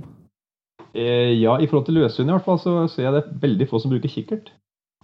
Jeg er helt avhengig av kikkerten. Ja. Den eh, Ja. bruker jeg aktivt eh, under jakta, eh, og spesielt når jeg stiller på dyr, da. Eh, For å finne ut hvor de står, og hvilke type dyr det er. Og hvor, og hvor bikkja er i forhold til dyret, og hva som egentlig skjer borti busken der. Eh, kan være veldig vanskelig å finne ut av når at det er særlig når lau på trærne eller når det er tett. ikke sant? Så så jeg, jeg har veldig mye glede av kikkerten, så den, jeg føler meg helt naken hvis, ikke jeg, hvis jeg skulle ha glemt den. Det har vært- det har vært et godt tip- jakttips ut av det òg. Det har vært det. Og så prøver vi å runde av eh, hver episode vi har med ei jakthistorie, Erling. eh, Og der håper vi at du eh, har ei på luringen da. Nei, Jakthistorier er det jo en del av, selvfølgelig, når du holder på med dette her. Men eh, jeg hadde en veldig artig, eh, eller spesiell, opplevelse i fjor med, med elgjakt, hvor, vi, hvor jeg skjøt på en elg. eh, som eh, jo for så vidt sprang videre, som de bruker å gjøre. Eh, før, de, før de tipper. Men dette var ganske nærme den Numedalslågen. Altså vi jakter i Lågendalen opp for Larvik. Mm. Eh, og den, det er ei voksen elv med mye vann i. Eh, bratte kanter hvor, eh, som, som graver, og detter jo ned trær på sida, og det er liksom ordentlig sånn Ja, det er ordentlig elv. Og dette dyret fant jo, hadde stø kurs mot der, da, og, og med bikkja etter, og blir borte. Og Jeg ser at eh, på peilen at bikkja følger helt ned til vannkanten og, og svømmer over. Og Det syns jeg er litt pussig, da. Eh, For det første så svømmer ikke den, den bikkja eh, uten at elgen er klin i, i nærheten. Det var et litt, var litt vanskelig skudd. Jeg var litt usikker på hvordan det skuddet hadde sittet. Uh, jeg var, men jeg var borte og kikka, så var det mye blod i eh, mye blod i der den hadde springet. Så jeg så liksom for meg at den skulle være dau. Så tar det noen minutter å komme seg bort til elva, og da ser jeg bikkja stå på andre sida. Og så springer opp og ned sånn en 50 meter. Og den er sånn at eh, den gir seg ikke på en elg før han eh, kan si, fysisk ikke kommer lenger. Gjerde eller eh, Ja, han svømmer ikke, det, skal sies, men han hadde svømt nå, da. Så jeg, antok jo da at den elgen hadde kommet seg over I hvert fall så hadde bikkja kommet seg over, den, men den, den, bikkja sto og ville tilbake til, til min side, men ville ikke svømme. Eh, Og, det, og som sagt, den har litt tungt for, tungt for å svømme, så jeg sto der og regna på, på elvekanten der, hva er det egentlig som har skjedd her? Og, sjekka elvebredda på mi side, da, for det, var, det er sånn sølebredd. for det er forholdsvis lett å se hvor en elg hadde hivet seg på vannet. Og fant ikke spor tilbake. Sjekka en ja, hvert fall en liten ja, 500 meter ene veien og 500 meter andre veien og finner ikke spor tilbake. Jeg kjører rundt og sjekker andre sida, der finner jeg spor. Men der er det, var det veldig mye spor, så jeg, så jeg kunne på en måte ikke regne ut hvor det der dyret var blitt av. da. Finner ikke noe blod heller på andre sida der. Men i og med at bikkja står på, på elvebredden, så tenker jeg at den elgen må jo ha havna i vannet og daua i vannet. Uh, ettersøk i Nummerlandslågen er uh, oppskrytt. Så jeg ringte broderen og ba han ta en båt en kilometer eller to lenger ned. Og, nå har det gått litt tid, altså, jeg driver sjekka ut dette her og prøvd å regne ut hvor den, hvor den elgen har blitt av. Ja, ja. Sånn at han hiver seg i den båten da, et par kilometer lenger ned og begynner å kjøre oppover uh, Numedalslågen. Uh, to mann i båten, en som ser nedover, en som ser oppover. Og så innimellom noe kratt så ser de gevirets bitte liten gevirtagge som stikker opp. Eller noe de trodde var en gevirtagge. da. Det er en liten kilometer på nedsida der som uh, vi hadde Jeg hadde spor av der han hadde hivd seg på elva. Eh, og da finner de altså denne elgen innimellom noe laukratt som har rasa ut i lågen der. Da. Med bare ved å finne denne lille gevirtagen. Den var jo steindau, selvfølgelig. Så det, var, det var, en, var, en, god følelse. Da hadde det gått en halvannen time eller noe sånt fra, fra den hadde, hadde hivd seg på, på ja, det gått to timer, faktisk, siden den hivde seg på elva. Ja. Det ble rett og slett en for tung eh, svømmetur over elva? Ja, men det var det som har skjedd. vet du. Og så har bikkja bare kommet seg i land, ikke sant? for den vil jo ikke, den vil jo land. Så, så, så nesten greide seg over elva, og så har den bare daua. Og så har den seila nedover, og så har den blitt borte. For hadde den svømt nedover elva, så, så tenkte jeg at eh, da hadde bikkja fulgt på. ikke sant? Mens den, ja, den bikka ble bare borte den, vet du, for, for, for bikkja. Så, ja, så de sprang bare fram og tilbake der og lurte på hvor den elgen var blitt av. Mm. Ja, ikke sant? hunden, ja. Ja, spesiell eh, det Ja, det gjorde det. De, de, fisker jo vanligvis laks i denne loggen, da, ikke elg. Tohånds uh, to Kjærstad. Uh, nei, men da tror jeg vi skal ta og runde av, eh, Erling, og si tusen hjertelig takk for at du mm. tok deg tid til å være med. Og så skal jeg, Vi har vært innom det noen ganger, men uh, du har jo ei nettside til, til Kennelin uh, som jeg varmt kan anbefale folk å sjekke ut. For uh, du har jo ikke reklamert noe for det sjøl, så får jeg gjøre at på en side ligger det veldig mye interessant å lese. og så har du jo vært forfatter på et par uh, bøker òg.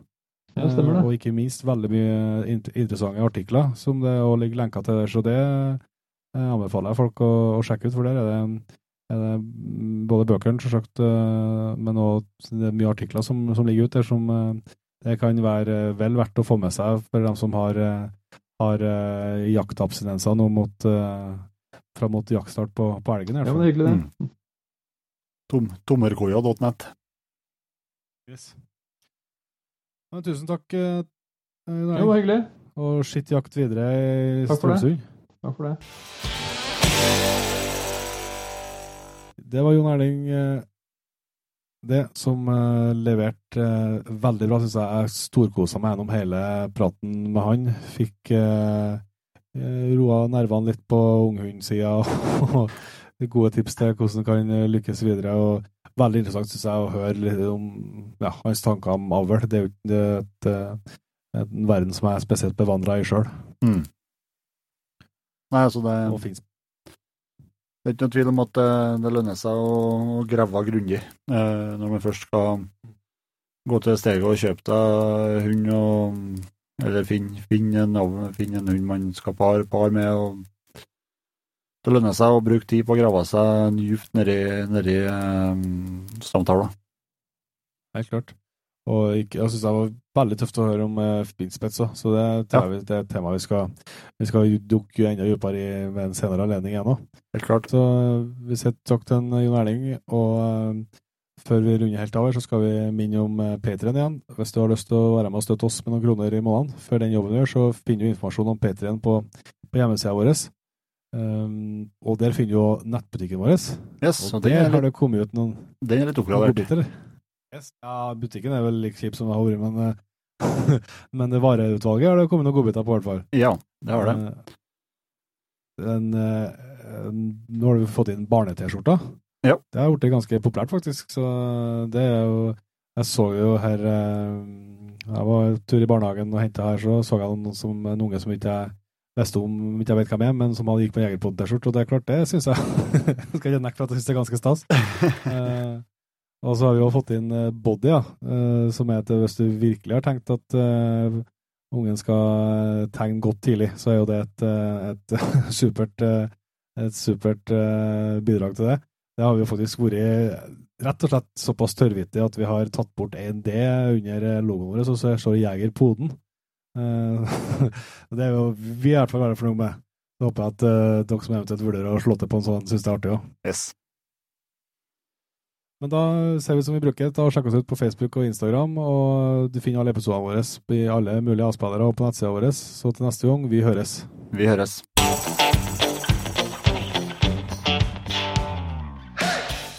Tusen hjertelig takk for at du valgte å bruke litt av tida di på Jegerpodden.